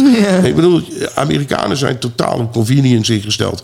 Eh, dus wat je nu ziet in dispensaries... is, de, eh, is een hele hoop verschillende fucking vapes. Ja. want mensen willen makkelijk. Eh, heel veel voorgedraaide joints. Maar als je probeert een toppie wiet te krijgen... dan is het een stuk lastiger geworden. Ja. ja. Kan je beter in Canada zijn, volgens mij. Dan kan het nou eens helemaal verschrikkelijk. Dan, kan je, mag, je, dan mag je op sommige plekken mag je niet eens de zakjes in zien. Maar dat is in Amerika ook het probleem. Uiteindelijk, laten we niet lullig zijn. Ik koop het wiet niet op de uiterlijk van de wiet. Ik koop het op de neus. Ja, de neus 100%. vertelt je wat, wat, Ja. hoe, hoe het gaat smaken. Niet Ik het krijg zo vaak, zo vaak berichten van mensen die zeggen... ja, ik, ik wil wel eens wat anders roken. Wat is een goede strain? Ja, je moet je neus volgen, pik. Ik kan Ja. toch niet vertellen wat jij lekker vindt? Dat is de reden, is de reden dat als mensen een wijntje openmaken... dat ze die wijn in eerste instantie ruiken. Ja, ja, Want het is op de neus. ja. ja als het niet goed ruikt, ga je toch ook niet drinken of Nee, eten? nee, precies. Hetzelfde geldt voor je eten. Als het niet lekker ruikt, dan wil je het al niet meer. Als ik een cheese ruik, een, eh, een, hè, de, de wiet cheese, ik, ik, kan, ik, ik kan het niet roken. Ik vind het niet lekker. Ik doe het niet. Een blue cheese wel trouwens. Goede blue cheese. Ah, ik, eh, ik heb het met eh, van die zure wiet heb ik er moeilijk mee. Ja, wat voor soort? Ja, dingen zoals eh, sour diesel. sour- sour sour diesel. vind ik een hele moeilijke. Dus ik heb het ook met, met zure kanteloop. er zijn wel een Maar dan paar. weet ik niet of die Tropicana Cherry jou gaat bevallen. Dat is ook al wel een beetje Zitten richting het zure. en, Richting het zure. Ja, ja, ja. Nee, fruitig vind ik lekker, maar niet richting het zurige. Het- ik, ik weet niet. Nou ja, tegenwoordig zie ik zelfs steeds die richting, richting, richting eh, eh, peper. En eh, dus, dus Ja, de zwarte peper gaan. En ik, eh knoflook, noten kwam ik GMO. te- Ja, GMO. ja ik, ik- dat je, maar ik, nee, en dan ben ik misschien gewoon ouderwets. Ja, ja. En dat ik nog steeds alles lekker vind waar een vrucht in zit. Ja. Ja, je vindt de ontwikkelingen mooi om te zien. En, je En ik probeer ze ook. En ik, en ik support ze hartstikke. Maar, maar in je daily, in je Eh, nee, nee, blijf je gewoon... nee, nee. Nee. Je hebt hier wel Mexicaanse ijseleter op tafel liggen. Ja, nee, kijk, eh, wel af en toe komt er wat leuks uit de lucht vallen. Ja. Mensen weten dat je dingen leuk vindt, dan sturen ze af en toe zoals wat op. Ja, en eh, ja, dan komt het in één keer uit de lucht vallen. Hey, Herkenbaar. Ja, en eh, eh, eh, vandaag toevallig wat Mexicaanse isolator. ja. Ja, moet nog even geperst worden. Dus eh, ik Ja. ga waarschijnlijk op een gegeven moment eh old school Frenchy style. Ga ik met de hete fles er waarschijnlijk overheen. Cool. En eh, dan ga ik even kijken of ik daar Of wat moois van kan of maken. wat moois van kan maken. Dat Leuk. is uiteindelijk de bedoeling. Cool. Hey, maar je bent sinds kort ook weer ehm, wat meer in het bedrijfsleven weer actief, hè? Ja, ik, ik kijk op een gegeven moment bloed gaat waar het niet gaan kan. Ja. En uiteindelijk... Ik, gaat ik toch ben- kriebelen. Ik, ik ga toch kriebelen. Ik ben gek op verlichting. Dus eh, eh, zijn ik en een eh, paar mensen... kort geleden een nieuw verlichtingsbedrijf begonnen. Je hebt hem echt gewoon... Nou ja, het, was, het, bestond, het bedrijf bestond al. Het was een heel klein verlichtingsbedrijfje. Het bestond Ja. al een paar jaar. En die hebben we opgepakt en naar het volgende level toe gedaan. En ik, kijk, ik zat te kijken wat er gebeurde op de verlichtingsmarkt. En er waren nog een paar dingen die ik heel graag naar de markt zou willen brengen. En wat nooit gelukt was in de tijd dat ik in Revita was. Maar ook wat niemand anders nog gedaan had. Dus eh, eh, we zijn begonnen met... nou ja, Touch Lighting Innovations. Touch Lighting Innovations, DLI heet het bedrijf. Eh, kom maar kijken op dli.nl. Ja, Ja, check dan- het hier eventjes link. Link in de bio ook. Een eh Instagrammetje, al die dingen. We gaan het eventjes eh, linken en Ja. koppelen. Dus nou ja, we krijgen weer een typisch verlichtingsbedrijf. Natuurlijk met sommige dingen wat andere verlichtingsbedrijven ook hebben. We hebben natuurlijk weer de dubbelhanded HPS. En, eh, eh, eh, ehm, maar we hebben ook LED-producten.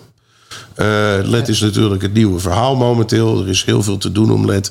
Eh, ik geloof dat wij eh, een beter product maken. Ik ga niet heel lang, want ik vind het anders een sales pitch worden. en dat is niet waarom ik Nee, hier nee, zit. nee. Ik denk dat we een beter product leveren, omdat we het hier maken in Nederland. Niet uit China komt. We gebruiken de, de hoogste, de beste diodes. Die komen uit Duitsland. Dus ik geloof Gewoon echt hoogwaardige materialen. Super hoogwaardig product wat we leveren. Eh, we staan bovenaan in de markt. We zijn zeker niet de allergoedkoopste. Proberen we Maar het is ook niet made in China. Nee, het is allemaal made in Holland. Dus daar kunnen we met z'n allen trots op zijn. En eh, laten we niet heel lullig zijn. eh, eh, zeker iets om te ondersteunen. Meer van dat, man. We, we moeten echt meer lokale producenten ondersteunen met alles gewoon. Maar nieuwe technologie. leuk. We, we hebben iets nieuws. En dit is geen LED-product. Dit is gek genoeg een, een, een hoge druklamp. Het is een heel klein 150 watt hoge druklampje in een armatuur. En wij gaan nu supplementele UV-lampen leveren op de markt. En het is eh, eh, full spectrum UV, dus UVA, UVB, UVC. Helemaal tot in het eh verrood. En je komt 150 watt lamp per 4000 watt lampen in een kwekerij hangen. Nou ja, UV doet dingen die zijn vreselijk leuk. Ik weet, het is natuurlijk een beetje een ondergeschoven kindje geweest heel lang. Want ja, niemand had een solution, een oplossing voor de kweekruimte. Maar UV zorgt dat je minder eh, powdery mildew... Hoe zeg je dat ook al? Mildew. Ja, ik zocht even naar de, zo Ja, weinig gebruik in het ja, Nederlands. ja, Eh, dus veel minder last van mildew. De reden dat planten buiten minder last hebben van spint, botrytis, al- allemaal andere kweekproblemen, heeft te maken met UV. UV-licht. Het is zon. Spe- eh, zon. specifiek, specifiek een stukje UVC. Ja, dat is wat steriliseert. Dus eh, eh, dat, dat zit niet in LED. Daarvoor moesten we echt naar een lampsolution. En, eh, maar ook kweekvoordelen. Je krijgt sterkere celwanden, sterkere planten. Planten in miljoenen jaren kan je wel kweken zonder UV. Dat weten we al van 30 jaar binnenkweek. Maar het werkt beter met UV. Ja. En dat kan je dus zien. We zijn momenteel ook bij de WUR wat onderzoek aan het doen. Wageningen Universiteit zijn wat onderzoek aan het doen. Te kijken hoe, eh, eh, hoe het zich precies verhoudt. Maar wat je kan zien is meer terpenen. Nou, terpenen is een goede. Dat is meer smaak. Eh, dat is zeker voor mensen die hash maken een superbelangrijke. Eh, eh, hoge cannabinoïde levels. Eh, eh, eh, ja, dat zijn hele Dat is leuk. dat is leuk. Dus we hebben natuurlijk laatst met iemand gezeten uit Wageningen. En we kunnen natuurlijk niks erover zeggen, maar dat is leuk. Waarschijnlijk. Ja, Ja, leuk. Als je iemand met Wageningen... Nou, ik heb net ook Wageningen geroepen. Dan kan je op een gegeven moment kan je dingen aan elkaar gaan plakken. Er zitten niet zoveel mensen in Wageningen die wiet kweken, zeg maar, voor, voor onderzoek. Nee, nee, absoluut niet. Dat zijn er maar En twee. onze vriend Chris is er één van. Ja, Ja, Ja. leuk. Dus, dus ja. Dus eh, die mag spelen met jouw producten misschien theoretisch, mag je Ja, niet zeggen. dus die theoretisch kan die spelen met bij producten. En, en eh, nou ja, het is eh, heel belangrijk om te zorgen dat je dat niet alleen. En, en dat, dat is niet. eh, kijk, zo'n zo'n test doe je niet alleen om te kijken of het werkt. We weten dat het werkt. Eh, eh, eh, de, de probleem is, en dit is, dit is iets heel. Je weet niet waarom het werkt. En dat is, dat, dan weet je dat je echt op cutting edge technology ziet. Wanneer, wanneer je of echt op wetenschappelijk niveau ziet. Van ja, we weten dat er iets gebeurt, maar we weten niet wa- waarom het nou precies gebeurt. En dat is natuurlijk. En, en waarom, wat gebeurt er als eh, je bepaalde dingen verandert. En eh, ja, dus, dus eh, we hebben natuurlijk tests gedaan om te kijken dat je niet de planten doodmaakt. Maar in principe wat we gewoon gedaan hebben, is gewoon het zonlicht nagedaan. Dus je neemt een, een, een, een zonnige dag eh, eh, in Zuid-Frankrijk. Ja, dat is een plek waar je plant graag zou willen groeien. Dus Daar dat- meet je het UV-spectrum. ja, spe- UV-spectrum, dat ga je namaken in een lamp. en dan ga je het aan je plant geven. Dat is letterlijk wat we gedaan hebben. Dat, dat, dat is een paar jaar ontwikkeling. Zo makkelijk gaat het niet om een stabiel product te maken. En om de juiste Ja. lamp te... Dus als die man nu zit te kijken en denkt, oh, dat ga ik ook doen. Oké, maar dat duurt Hey, nog wel pak, eventjes. pak, jouw, pak, zonnebank, trek hem eh, je kwekerij in. Misschien, misschien, misschien dat het lukt. Ja, en stuur ons een foto van de voortgang. Ja, en stuur ons foto voor. Gaan we, het- we vinden het superleuk om te zien of dat lukt. Ja, ja, ja. Ja, heel geïnteresseerd, echt waar. Nee, eh, bij, ieder, bij ieder geval, ja, nee, dat, dat kost toch aardig wat moeite. Eh, maar uiteindelijk heb je iets wat dus, dus, dus, ja, je weet dat het werkt. Op een gegeven moment gooi je het over een paar planten heen. En dan ga je kijken, dan geef je er een paar weg aan een paar, wat we, wat we noemen, mensen die, eh, die beta-testers zijn, om het Ja. zo maar te zeggen. En eh, eh, dan kijk je wat er terugkomt en dan zie je reacties en dan zie je wat preliminary, wat, wat, wat, wat, eerste testen Voorlopige terug- dingetjes. Ja, voorlopige dingen Maar, die maar je nu zien. zit je dus weer met je, met je nieuwe bedrijf weer in, dat, in datzelfde, in dezelfde routine eh, al, al een beetje als toen met Gavita. Ja, ik, ik zou sterker nog, ik, ik concurreer met mijn oude bedrijf. Dat is natuurlijk op zich een, een heel interessant gegeven is. Want morgen vlieg je weer naar, de, Ja, naar morgen, Amerika. morgen vlieg ik weer naar Amerika. Momenteel ben ik eh, elke twee weken ben ik hier en elke twee, andere twee weken in Amerika.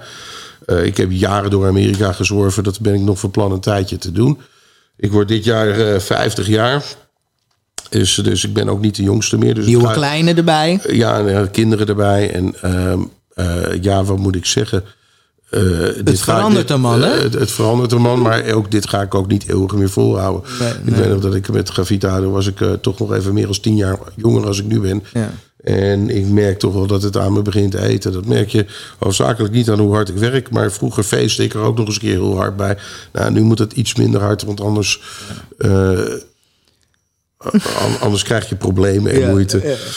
En merk je dan ook een verschil in je cannabisgebruik nu te- ten opzichte van, eh, van toen? In Nou, het enige wat ik merk, en dat is eigenlijk op het moment dat ik, eh, als ik thuis ben, rook ik meer als ik eh, onderweg ben. Ja? Dus ik rook eigenlijk alleen maar minder. Oké. Als ik, en dat is heel jammer, want in Amerika, en ik ben, maar ik ben gewoon zo aan het werk. En mijn hoofd gaat op 100.000 kilometer per uur. En gewoon geen tijd voor. En jij Dus- bent een traditionele roker. Je houdt gewoon van een jointje roken. Je bent Nou, niet dus, van de dus, vapes. dus, eh, dus als, nee, ik ben niet van de vapes, dus even dat tussendoor. Nee, dan gaat, dus ik wacht en dan s'avonds dan komt er een, het eerste joint eigenlijk naar boven.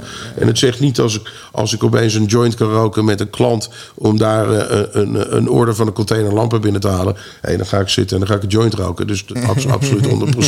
Er zijn wel, als ik Snoop Dogg tegenkom of eh, weet ik veel wat... eh, dan gaat er een joint gerookt worden. Ja, er zijn eh, wat leuke mensen die ik ken. Ik weet als, als ik weet ik veel, Be Real, als ik die tegenkom van Cypress Hill, ja, dan ga ik zitten roken en dan word ik, word ik net stand.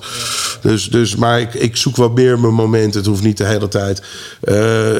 Ja, en ik eindig dus al. Ik ga dus langs kwekerijen en de dispensaries. En, dus het is niet alsof ik niet weet wat er op de markt is. Ik, eh, eh, je krijgt van iedereen krijg je een paar topjes van, de, van wat, de ja. allerbeste shit. Oh, kijk wat ik Kijk, heb. dit kan ik. Ja, kijk, dit kan ik. Dus op het einde heb je een heel goed idee van wat er op een markt is. Dan begrijp je ook de problemen van de markt. Ja. Ja, en dan kan je die goed invullen. Ja, die kan je. maar. ge- Nou ja, het, eh, Amerika, Amerika is eh, sowieso een hele moeilijke markt. Want het is compleet, compleet geïmplodeerd.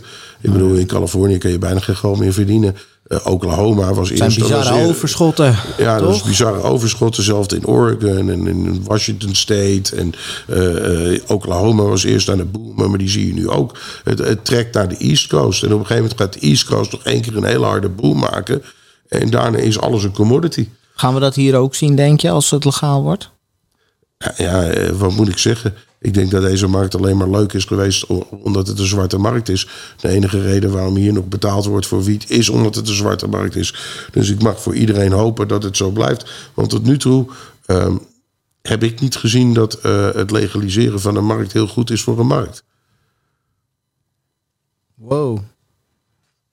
Ja, dus eh, ik zie nu allemaal eh, in Amerika allemaal kwekers die, die ik heel aardige jongens vinden.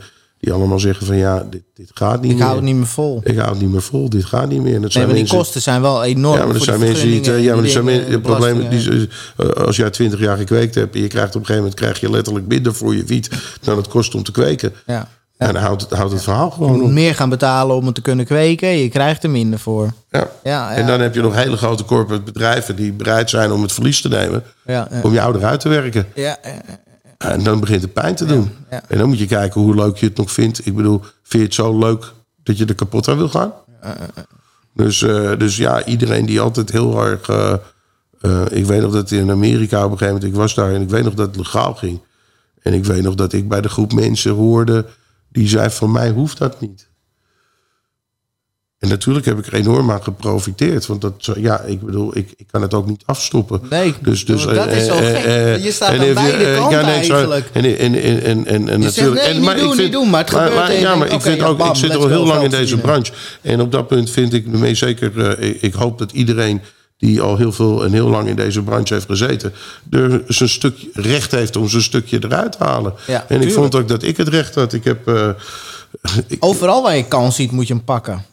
Ja, Kansen maar, zijn eh, er om gegrepen te worden. ja, maar ik zeker in deze. Ik bedoel, eh, we hebben allemaal vroeger wel eens een paar plantjes gehad. En dan kon je toch s'avonds niet lekker slapen. En weet ik veel, we hebben allemaal een hoop stress en ellende gehad. En eh, vrienden van mij hebben in de bak gezeten. En weet ik veel wat. En ja, dan vind je op een gegeven moment dat je toch meer recht hebt als iemand die nu binnenkomt wanneer alles legaal is met een hoop doekoe in zijn zak. En zegt van. Eh, kijk, nu is het allemaal voor mij. Fuck jullie allemaal. en doe het even Nee, zo. Ja, en dus, dus nee, ik zorg wel dat ik, dat ik eruit haal wat ik graag eruit wil Dat is ook zo en, ik vind, belangrijk. en ik vind dat ik er meer recht op heb als mensen die nu pas de industrie binnenkomen. Nu pas nu alles lekker veilig is en alles lekker makkelijk is. Ja, en dat vind ik top van jou. Want er zijn ook heel veel mensen in die industrie van de legacy-wereld... die dus aan de zijlijn staan, het zien gebeuren... Het, het onvermijdelijke zien gebeuren. En dan gaan staan van... ja, ze doen het niet op de manier die wij willen. Nee, maar ze eh, bemoeien nee, zich ook ik, niet. weet ik, ik heb het allemaal gezien. En zeker activisten hebben hier een Ja. enorm handje van. Maar jij, jij bemoeit je ermee. En Nee, dat ik bemoei me heel goed. Dat is- is, dit- wat je moet doen. Luister, ik heb één ding gezien aan activistisch Nederland. Want laten we niet lullig zijn, heel ver zijn ze niet gekomen in 30 jaar. Ja, op een gegeven moment Nee. kregen we de coffeeshops en daarna is er eigenlijk niks meer gebeurd. Het is alleen maar erger geworden. Dus laten we niet beginnen dat, dat, dat, dat activi- Activisme wat eh, oplost. Ja, en ook, nou, maar ook de manier waarop. Nou, dan staan ze dus op eh, het fucking Museumplein met een spanbord. Nou ja, oké, ga lekker op het Museumplein staan met een spanbord. Schiet echt op. En dan komt natuurlijk eh, komt er een eh, komt, Cannabis Hart, van Nederland. Die zoekt de meest stonde gigantibiel op die ze kunnen vinden. Die gaan ze interviewen. Nou, ik heb die interviews gezien, man. Eh, eh, natuurlijk nemen ze niet diegene die, die een goed gesprek kan voeren. Nee, Eh, echt, nou, ja, ik heb er naar gekeken. Ik zou, je zou je bijna schamen als blower als je zoiets ziet. Ja. Dus dat ziet de rest van Nederland ook. En het, sorry voor alle activisten die nu over het dak. Ik weet dat er nu mensen achter het ding zitten. Ja, ik. ja, het zal- Oké, naar mijn idee werkt het zo. Als je dingen wil veranderen, dan moet je dingen in de, in de, in de, in de kern veranderen. Ja, je moet wat Ja, doen. En dan moet je wat doen. En hoe begint dat in Nederland? Nou ja, in Nederland hebben we een bepaalde manier. Dat is met wetgeving en allemaal dingen. Dus als je dingen wil veranderen, dan ga je proberen. Als je, als je dus niet eens bent met de wet, dan moet je de wet veranderen. En dan ga je lobbyen.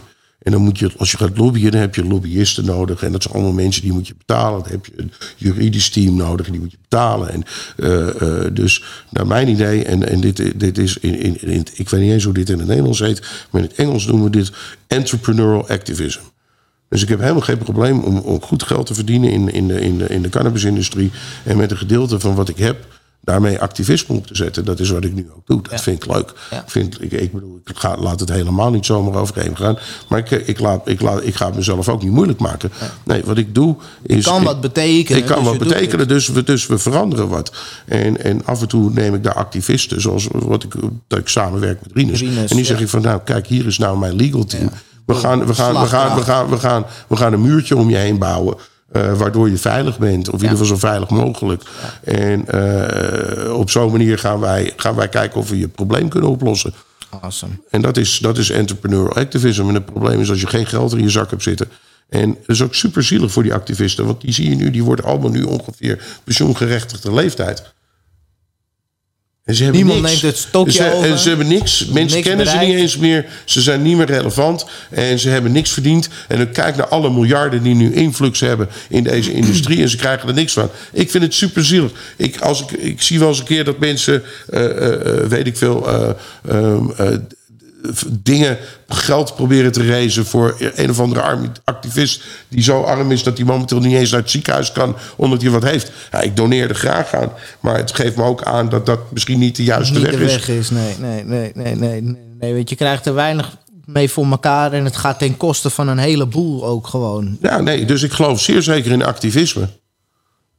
100% dat ik in activisme geloof. Alleen ik geloof niet in de activisme op de betuttelende manier zoals we dat hier in Nederland hebben Nee, het gedaan. is een beetje als in het vliegtuig. Hè? Als je neerstort, je moet eerst zu- zuurstofmasker zelf opdoen... en dan pas kan je mensen gaan helpen. En dat is gewoon in de echte wereld ook zo. Je moet eerst jezelf helpen. En als je zelf op een positie bent dat je oké bent... dan kan je andere mensen gaan helpen. Dan is die ruimte er ook voor. En dan moet je dat ook zeker gaan doen. Ja. En ik heb, mijn, ik heb mijn legal team wel aan meer partijen. Want op een gegeven moment kregen we toch een soort cannabis specialisme. Dan heb ik wel aan meer partijen heb ik dat uitgeleend. Waaronder een paar hele grote partijen in Nederland die daarmee zijn gaan lobbyen. Dus ik, eh, ik ja, nee, absoluut superleuk om, om, mee, om, eh, eh, om, om, om dingen te zien die veranderd zijn. En eh, nu anders zijn. Ja. Ja, heel rottig voor Femke. Maar ik heb het enige wat ik heb gedaan, want niks illegaals. Dit is het letterlijk het flexen van je burgerrechten. Dit is wat ik mag. Ja? Dit is niks meer dan het flexen van de rechten die we allemaal hebben als elke Nederlander zijnde. Je mag het niet eens zijn met de wet. Als je niet eens bent met de wet, heb je de mogelijkheid om hem te veranderen. Maar Als je maar genoeg mensen achter, als je, ja, als je maar genoeg mensen achter je ziet krijgt die de vraag willen stellen, misschien dat op, dag, op een bepaalde dag het antwoord wordt gegeven. Ja, ik zeg niet dat je de grondwet zo makkelijk aan gaat passen, maar normale wetten, best ja, wel. ja best wel. Dat, dat is misschien wel. Ja. Ja, ik, ik, ik, ik zie de situaties voorkomen dat je zegt van, nou oké, een bepaalde wet klopt niet. Of, eh, eh, en, prope- kijk, eh, wetten worden gewoon gemaakt door de overheid. En pas als je wetten gaat toetsen, dan kan je pas weten of eigenlijk een wet wel werkt, ja of nee. Als niemand ooit een wet toetst en iedereen, iedereen gaat... Kijk, dit is natuurlijk mijn, mijn, mijn burgerlijke ongehoorzaamheid. Als iedereen maar ervan uitgaat, omdat het een wet is, moet ik me eraan houden. Ah, Nee, misschien moet ik me er af en toe niet aan houden. Nee. En dan moet ik juist het uitspelen en zeggen van... weet je, naar mijn idee moet die wet getoetst worden. Dus laten we nou maar een rechtszaak beginnen om die wet te toetsen. Ja, uiteindelijk eh, zijn wetten er om het volk te dienen. En als het volk wat anders wil, dan moet die wet gewoon Ja, maar aangepast we- worden sommige, aan, sommige aan wetten volk. houden ook niet. Dat zien we de regering vaak genoeg doen. Dat ze een wet maken, nou, we weten niet of dit het wel gaat houden. Nee, nee. En dan komt er een of andere rechter en die veegt het weer van tafel. Ja, dat, dat hebben we nu de afgelopen jaren vaker gezien. Omgekeerde wereld eigenlijk. Is niet de bedoeling. Nou, als je weet dat dat zo werkt, dat betekent dat jij ook degene bent die zo'n, net zoals het stikstof, dat zijn een paar mensen die, dat hele, die hele stikstofcrisis is begonnen met een paar mensen die naar de rechter zijn gegaan. Van kijk, dit is de, hoe de, Europees, de, de wetten in Europa eruit zien. En er wordt niet aan gehouden. Dat was alles. Het was een klein groepje mensen die naar de rechter zijn gegaan. En dat, die hebben dit allemaal veroorzaakt. Dus, dus, dus, dus als je het hebt over, over vijf, zes mensen die samen zijn. En boem, als een groepje naar de rechter zijn gestapt van wij accepteren dit niet. Nou, dat betekent dat jij en ik en iedereen dat ook kan. En dat doe ik af en toe. Ja. Maar dat is een hele leuke manier om in Nederland dingen gedaan te krijgen. Ja. Is niet met, met je bordje te gaan staan op het museumplein. En zeggen van, ook blowers zijn goede mensen. En eh, don't, don't walk on the grass, but smoke it, of weet ik wat. ja, dus, eh, eh, eh, eh, want uiteindelijk krijg je het alleen maar... dat Hart van Nederland komt met een camera... en die zoeken de meest grote debiel met rode ogen en dreadlocks. En die zeggen, en die gozer die woekt in, voor, de, voor, de, voor, de, voor de televisie. Ik kan me echt herinneren, als ik denk dat het vijf jaar geleden was... ik kan me echt herinneren, de laatste keer dat ik zoiets zag. Het was echt heel erg. Ik ga proberen een screenshotje te vinden. Maar als je hem niet vindt hier in de screen, sorry. Ja, ja, maar ik weet zeker, ik ga achteraf even zoeken. Maar ik Geniaal. vind, ik vind dat interview met die gozer... Ja, Ja. Geniaal. geniaal. Mooi. Hey, maar je, naast, naast dat soort activisme ehm, hou je ook bezig met, met hennep. Hè? Want je hebt ook eh, jassen van hennep, toch? Nou ja, eh, eh, de, de, mijn hennepjassen, dat was eigenlijk... eh, een vriend van me had het merk Zal ik hem even pakken? Hij ligt Ja. om de hoek, hè? Beetje ongebruikelijk. Ja, ja.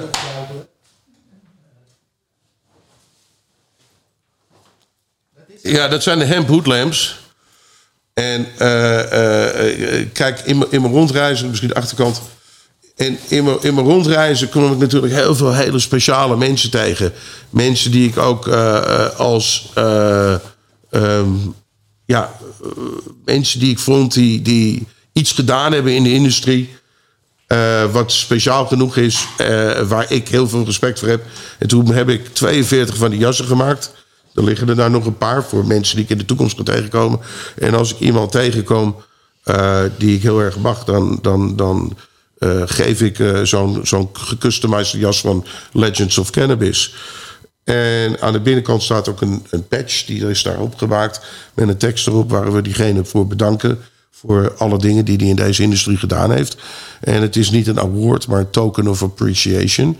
En dit is, eh, bedankt, dit is de cannabis community die je bedankt. Ja, ja. En dat heb ik samen gedaan met Hemp Hoodlamp, met Douglas. En, want ik vind dat als je dan een jas geeft, dan moet het ook een hennep. Moet er van hennep zijn. Hennep zijn, ja, absoluut. Ja, ja, ja, ja. en je zegt award, en ik wou het ook al even zeggen. Maar, maar daar achter mijn bordje van erkend leerbedrijf. Ja, lieve mensen, de High Cloud is erkend leerbedrijf. Kom stage lopen bij de High Cloud. Vind de link in de beschrijving. Daar zien we allemaal awards staan van jezelf. Ook naast de award van mijzelf trouwens. Startup van het jaar bij de cannabisindustrie. Eh shout-out eh, naar iedereen die voor mij gestemd heeft. Dank jullie wel. Ehm, en shout-out naar Patrick ook achter de schermen... die natuurlijk ervoor zorgt dat dit mogelijk is. Want dit ben ik niet alleen. Eh, maar daar zien we dus ook allemaal awards van jou staan. Ehm, je hebt hier een kleine eh, selectie Ja, neergezet. eh, het, probleem, het probleem is. het zijn er al een stuk of twintig. Ja, het probleem aan awards is dat op het moment dat je eh, gaat schuiven met bedrijven, dan heb je wel eens een keer dat een award op een bedrijf blijft staan in het, in het awardkastje. Je verkoopt het bedrijf met en, awards. met awards erbij. Dus eh nou heb ik soms eh, vonden ze het niet interessant, dan kon ik ze houden. Dus ik heb hier een selectie inderdaad, waar ik, ik mis er zeker nog wel een stuk of 15 die ergens rondzwerven in de wereld. Eh, awards zijn ook niet zo belangrijk. Eh, is leuk. Ik weet, er zijn twee awards die, die, die altijd blijven steken. Ik denk dat, dat deze... Dat zal de eerste wel zijn ook. Ja, dat is klopt. Dat is de eerste en dat is... Even kijken. Ja, dit is hem. Eh, voor de Spannemis. Voor degenen die, die deze woord nog herkennen. Het zilveren, zilveren blokje. Eh, dit was 2007. Beste product van de beste kweekproduct van Spanje. En dat was het eerste award. En die vond ik super cool. Is dat voor Gavita? Ja, dat was voor Gavita. Dat vond ik echt super, dat vond ik echt super cool. Ja. En eh, de andere die leuk is, dat. eh, even kijken. Ja, dat was je Lifetime Achievement Award, hè? Ja, deze. En dat is eh, omdat het een uh, oeuvre award is. En eh, ik vind mezelf jong, want ik ben nog maar eh, net 50 jaar zo direct. Nog En genoeg tijd om, eh, leuke dingen te doen. eh, eh, ik vind dat ik hem pas over 20 jaar had moeten krijgen. Maar eh, een Lifetime Achievement Award. En voor de rest, eh, awards zijn altijd leuk eh, als je ze krijgt. Het enige wat ik nooit heb gehad, al die awards... en ik heb nog nooit een eh, Cannabis Cup gewonnen. Want ik, ik, voor, voor, toen ik... eh, toen ik eh, in de legale gedeelte van de, van de cannabiswereld ging zitten, toen ben ik gestopt met kweken. Dus eh, een kweek. Mis je dat eh, nooit? ja, dat mis ik enorm. kan me voorstellen. En dan, en dan heb ik ook, ik bedoel, ik heb geïnvesteerd in, in een bedrijf in Californië. Eh, dus daar wordt wel gekweekt. Ben je daarom elke twee weken daar? Dat je Nee, ja, nee maar daar, kom- daar, kom- daar kom je nooit. Nee? nee maar ik kan me voorstellen dat je dat enorm mist. Ik was ehm, toevallig laatst bij een legale teler in Wageningen. Niet, niet onze vriend, maar elders. Eh, misschien hebben mensen het wel gezien mijn stories. Dat was bij Aurora Delta. En het was op zich nog vrij kleinschalig. Maar het is zo mooi. En het is zo zo rustgevend. Het geeft zoveel meer terug dan dat je erin stopt of zo, die planten, gek genoeg. Het is het kijken naar wietoppen die in de bloei staan. Het heeft iets. Ja, kijk, wat wel leuk is, is, is ik ga nu naar Amerika en dan, dan, dan kom ik waarschijnlijk in twee faciliteiten per dag. Dus ik zie over zo'n zo'n zo'n tien dagen heen zie ik zo'n twintig, twintig kwekerijen. En om te kijken hoe iedereen het anders doet en om dat allemaal naast elkaar te kunnen zetten, is best, is best prachtig. En eh, je komt af en toe in de meest state-of-the-art mooie kwekerijen. Dat je echt vol verwondering zit te kijken hoe ze dingen gedaan hebben. Eh, ehm, er zijn, eh, zeker als je bijvoorbeeld binnenkomt waar, je, waar ze concentraten maken. En waar ze dingen zoals hasholi en, en diamonds en sauce en weet ik veel. Alle, Allemaal steriel eh, eh, en, je eh, komt, apparaten. komt binnen. Eh, nou, vroeger wist ik, dan stond je, stond je in je tuin met je, met je spuitbusgas en je, en je open buis stond je te open blasten. Nou, dat kan je nu echt niet meer vertellen in Amerika. Dan staan ze met zulke ogen te kijken. Dat zijn volledige laboratoriums geworden.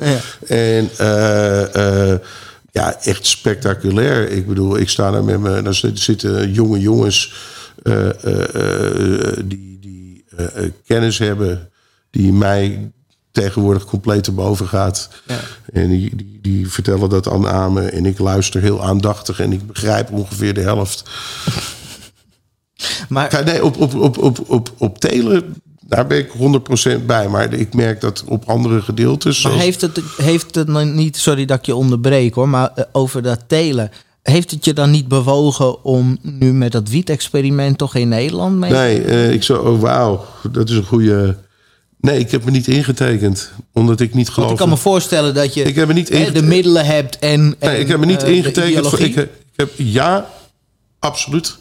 Eh, niet 100% zelf, maar ik zou het zeker eens kunnen racen bij elkaar. Ja, absoluut 100%. Ik heb me niet ingeschreven willens en wetens. Ten eerste denk ik dat je maar zoveel dingen goed kan doen. Dus als je te veel dingen doet, nu komen we weer terug aan het begin. Ja. Ten tweede, ik geloof niet in het experiment. Het hoort geen experiment te zijn. En hier komt het. Het is alleen maar een. jaar in een experiment. Eh, Ja, het, is, het hele reden het experiment is omdat, omdat er een manier is om er weer vanaf te komen na vier jaar. Ja, en dat is Denk omdat, je, de, ja? omdat de christelijke partij. Ja, waarom zou je het anders een experiment maken? ik dan ga je toch dat gewoon. het zo je- begonnen is. Nee, ja, dan ga je toch gewoon op legalisatie zitten. Ik denk dat het zo begonnen is. Nee, nee, nee, dat, nee, dat want ze komt- nee, want als nee, want er zit, dus de SGP zit in de, in de, in de, in de, in de, in de, in de regering. En als, als, als die het niet goed had gevonden, die moest toestemmen. En als de, die gewoon voor volle legalisatie hadden ze het niet goed gevonden. Maar met een experiment was een soort tussenweg waar ze zich oké mee vonden. Dit is hoe het is gegaan. Nou, dan zitten we dus met een fucked up experiment. Nou ja, iedereen die... En dan ga je ervan uit dat je dus zo'n kwekerij gaat bouwen. Ja, en nou, dat kost... eh, nou, laat ik even een, een, een gemiddelde, een goede 30 miljoen. Ja, vijf- 30, 35 miljoen kost het on- ongeveer zo'n zo'n faciliteit. Faciliteiten bouwen. Zo'n faciliteiten bouwen die je daarvoor nodig hebt. Ehm, want mensen gaan echt niet akkoord dat je met buitenwiet aan gaat komen in de koffieshops. Dan gaan ze naar een andere koffieshop toe. Dus, eh, eh, eh, dus je moet daar goede indoor faciliteiten hebben. Ehm,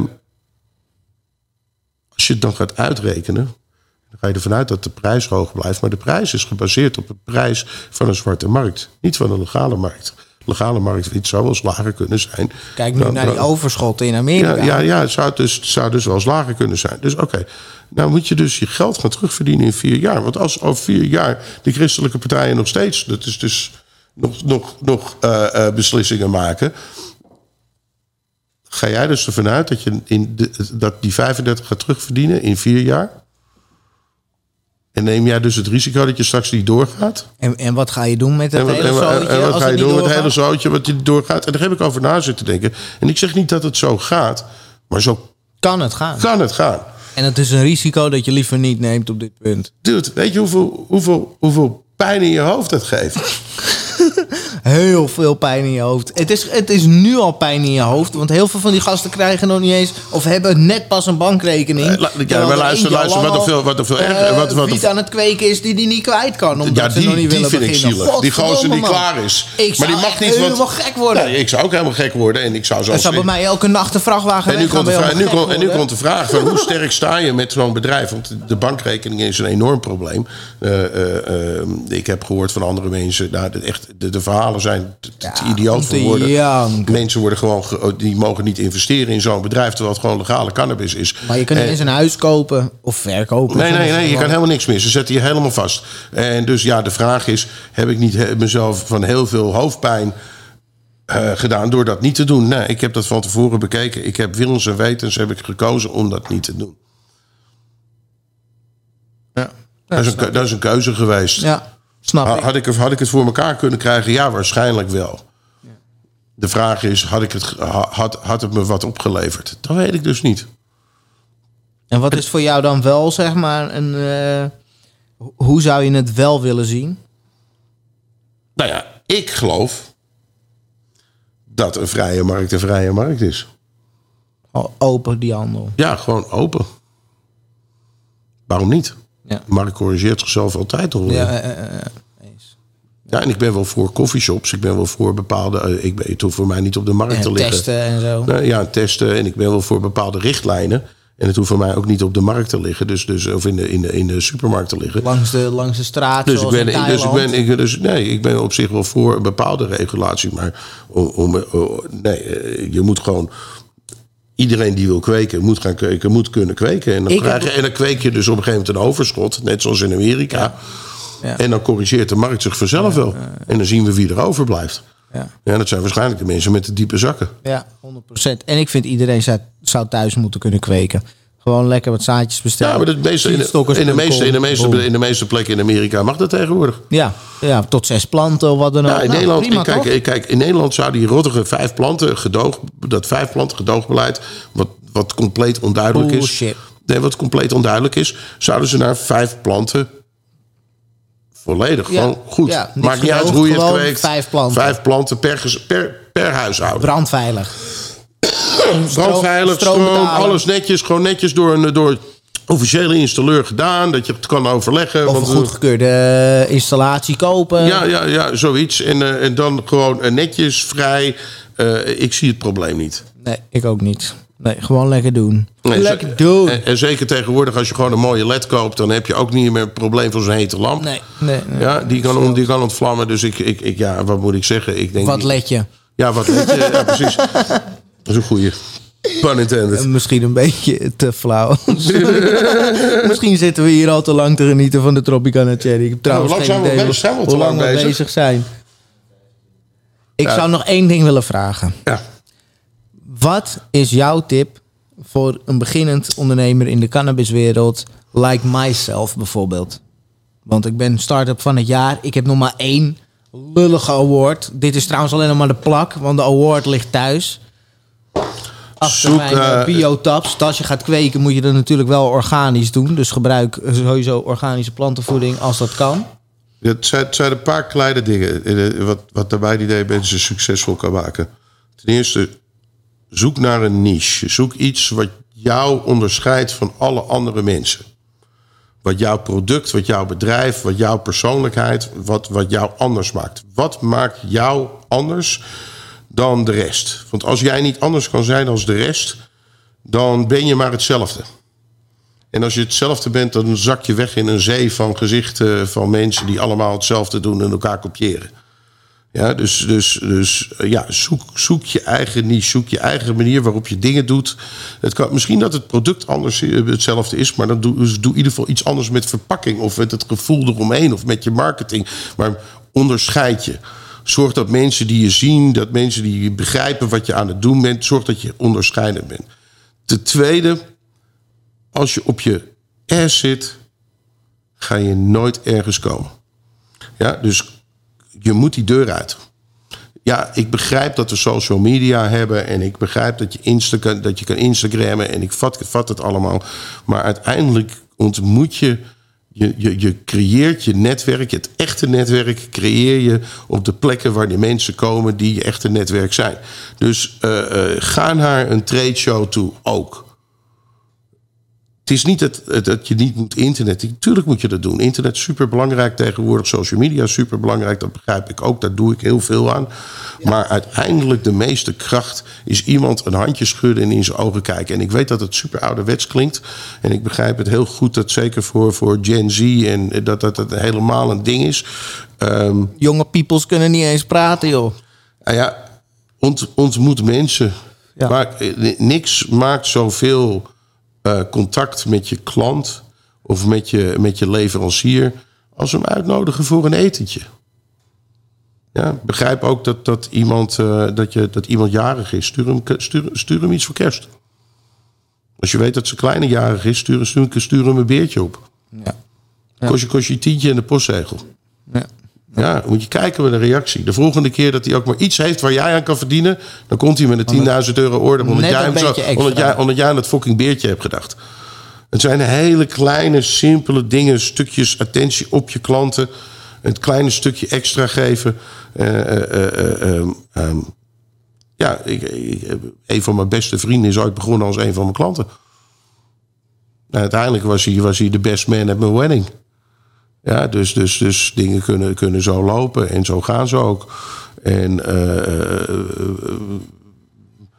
ze zeggen in het Amerikaans: Your net worth is your network. Dat zegt mijn vriend Ja, Jack en- de eerste aflevering ook altijd. Ja, Ja, your net worth is your network. En ja, dat ik momenteel met een bedrijf naar buiten kan komen. omdat ik een, met de manier waarop ik dat doe en de snelheid waarop ik dat doe, heeft te maken met mijn netwerk. En ik kan boom en ik zit over de hele wereld heen. En ja, als je, als je dus een netwerk opbouwt, dan maakt het eigenlijk niet uit welk bedrijf je hebt of welk product je hebt, want je netwerk zal je ondersteunen. Ja. Ja, dus je moet je netwerk ook lekker breed leggen. Zeggen van oké, wat cannabis? Nou, wat in cannabis? Nou ja, zo breed mogelijk. Durf mensen te ontmoeten zo breed mogelijk op het, op het vlak waarop jij eh, succesvol wil zijn.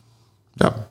En, en, en dat hoeft niet altijd meteen wat op te leveren. Je hoeft niet altijd wat zaken te doen. Af en toe is gewoon wat lekker wat biertjes drinken en kleppen over hele andere dingen. Misschien leer je er wat van of kun je wat... eh, wat eh, Ik, ik kan het je niet vertellen. Het enige wat ik weet is dat ik eh, en, en durf naar, naar, naar een markt te gaan waar niemand nog zit. Durf, durf naar nieuwe markten te gaan. En wacht niet altijd af tot dingen legaliseren. Misschien moet je daarvoor ook al wat moeite insteken. Ja, ja, ja, ja, 100 procent. Niet wachten tot het, eh, tot het, tot Tot de weg het makkelijk wordt. Kijk, op het moment dat het makkelijk wordt, dan springt iedereen erop. Ja. Ja, en, en hetzelfde met producten. Eh, ja, kijk, als je zegt, ik, wil, ik zoek een nieuw product wat ik kan verkopen. Kijk, het beste, het beste producten om te verkopen zijn dingen die je kan. Ja, kan jij, ben jij een, een, een, een, een, een, een, eh, weet ik veel, een designer? Nou, dan kan je vette logo's en dingen en artwork voor bedrijven. Nou ja, dat kan je heel makkelijk tonen. Dat is de beste, dat is de makkelijkste eerste manier waarop je geld kan verdienen in deze industrie. Ik kan iets, een fucking ambacht. Ja, ik, ben, eh, ik, eh, ik eh, ben universitair afgestudeerd als horticultureel specialist. ja. Wat kan je? Of eh, afgestudeerd in botanie of weet ik veel wat. Of, Of je vindt het gewoon zo leuk dat je gewoon alles ervan weet. Want dat ja, maar in ieder geval. maar ieder- ja, je nee, nee, nee, maar, maar, maar er, onders- zijn, oh, er, zijn, er zijn legio dingen die je kan zijn of die makkelijk, makkelijk verkoopbaar zijn. Producten. Al, al- ik zeg niet dat dit altijd opgaat en dat dit een 100% is wat ik nu zeg. Maar waarschijnlijk als iemand anders het al verkoopt, zoek nog even door naar iets anders. Ja. Nou, Er zijn genoeg dingen dat als je even goed gaat nadenken, die je uit een andere industrie kan halen en die je kan toepassen in deze industrie, die er nog zijn die niet gedaan worden. Ik heb elke maand wel één keer een idee over een product. Ik denk van, maar je moet kijken buiten. Eh, eh, eh, je moet, thinking outside of the box heet dit. Letterlijk zo je moet letterlijk, je moet letterlijk je eigen oogkleppen afdoen en proberen naar andere. Wat, wat, goh, wat komt er uit de medische sector of uit de, uit de, uit de parfumsector? Of uit, oh, dus, dus het kan ook heel interessant zijn om juist naar een, naar een een beurs toe te gaan wat niet van je- cannabis. buiten je en- comfortzone. En, en buiten je comfortzone. En ga kijken goh, van als ik nou naar een eh, eh, eh, eh, voedselbeurs voor voedselpreparatie ga... of andere professionele dingen... vind ik iets waardoor ik een nieuwe edible kan maken... of een nieuwe ding. Of vind ik een apparaat waar ik op een manier kan eh, heroverwegen... Ja, eh, eh, eh, eh, om op een andere manier weer in te zetten. Daar... Daar zit nog Daar heel veel. Daar Daar, ligt daar, het ligt heel veel. Ja. Ja, als je, maar ik, ga, ik ga niemand hier iets... Nee. Jullie kijken allemaal mee. Het is Eh, genoeg geweest. Hier stopt het voordat je parels gaat weggeven. Jair, ik vond het echt een heel waardevol en leuk gesprek. Dank je wel voor je gastvrijheid, voor je, voor je fijne lessen, je leuke verhalen. Het was echt, eh, echt een heel leuk, eh, leuk gesprek volgens mij. Ik wil natuurlijk eh, iedereen be- bedanken voor het kijken en het luisteren naar weer een aflevering van de High Cloud Podcast met je man Anko Koes. En ik wil alle partners bedanken die dit mogelijk maken. Zalig, gebruik vooral THC 10 voor 10% korting. Mascotte Active filtertjes voor iets minder ongezond roken. Biotops organische plantenvoeding voor bijvoorbeeld tomaten, maar ook wiet. en seedstockers, zodat je het lekker zelf kan gaan kweken. Check die websites in de bio. Ehm, en eh, ja, dit was hem alweer, man. Een nieuwe aflevering van de High Cloud met Anko Koes en Jay Velleman. Tot de volgende keer, much love. Top. Dat was leuk, of niet? Maar jij kan zo leuk vertellen.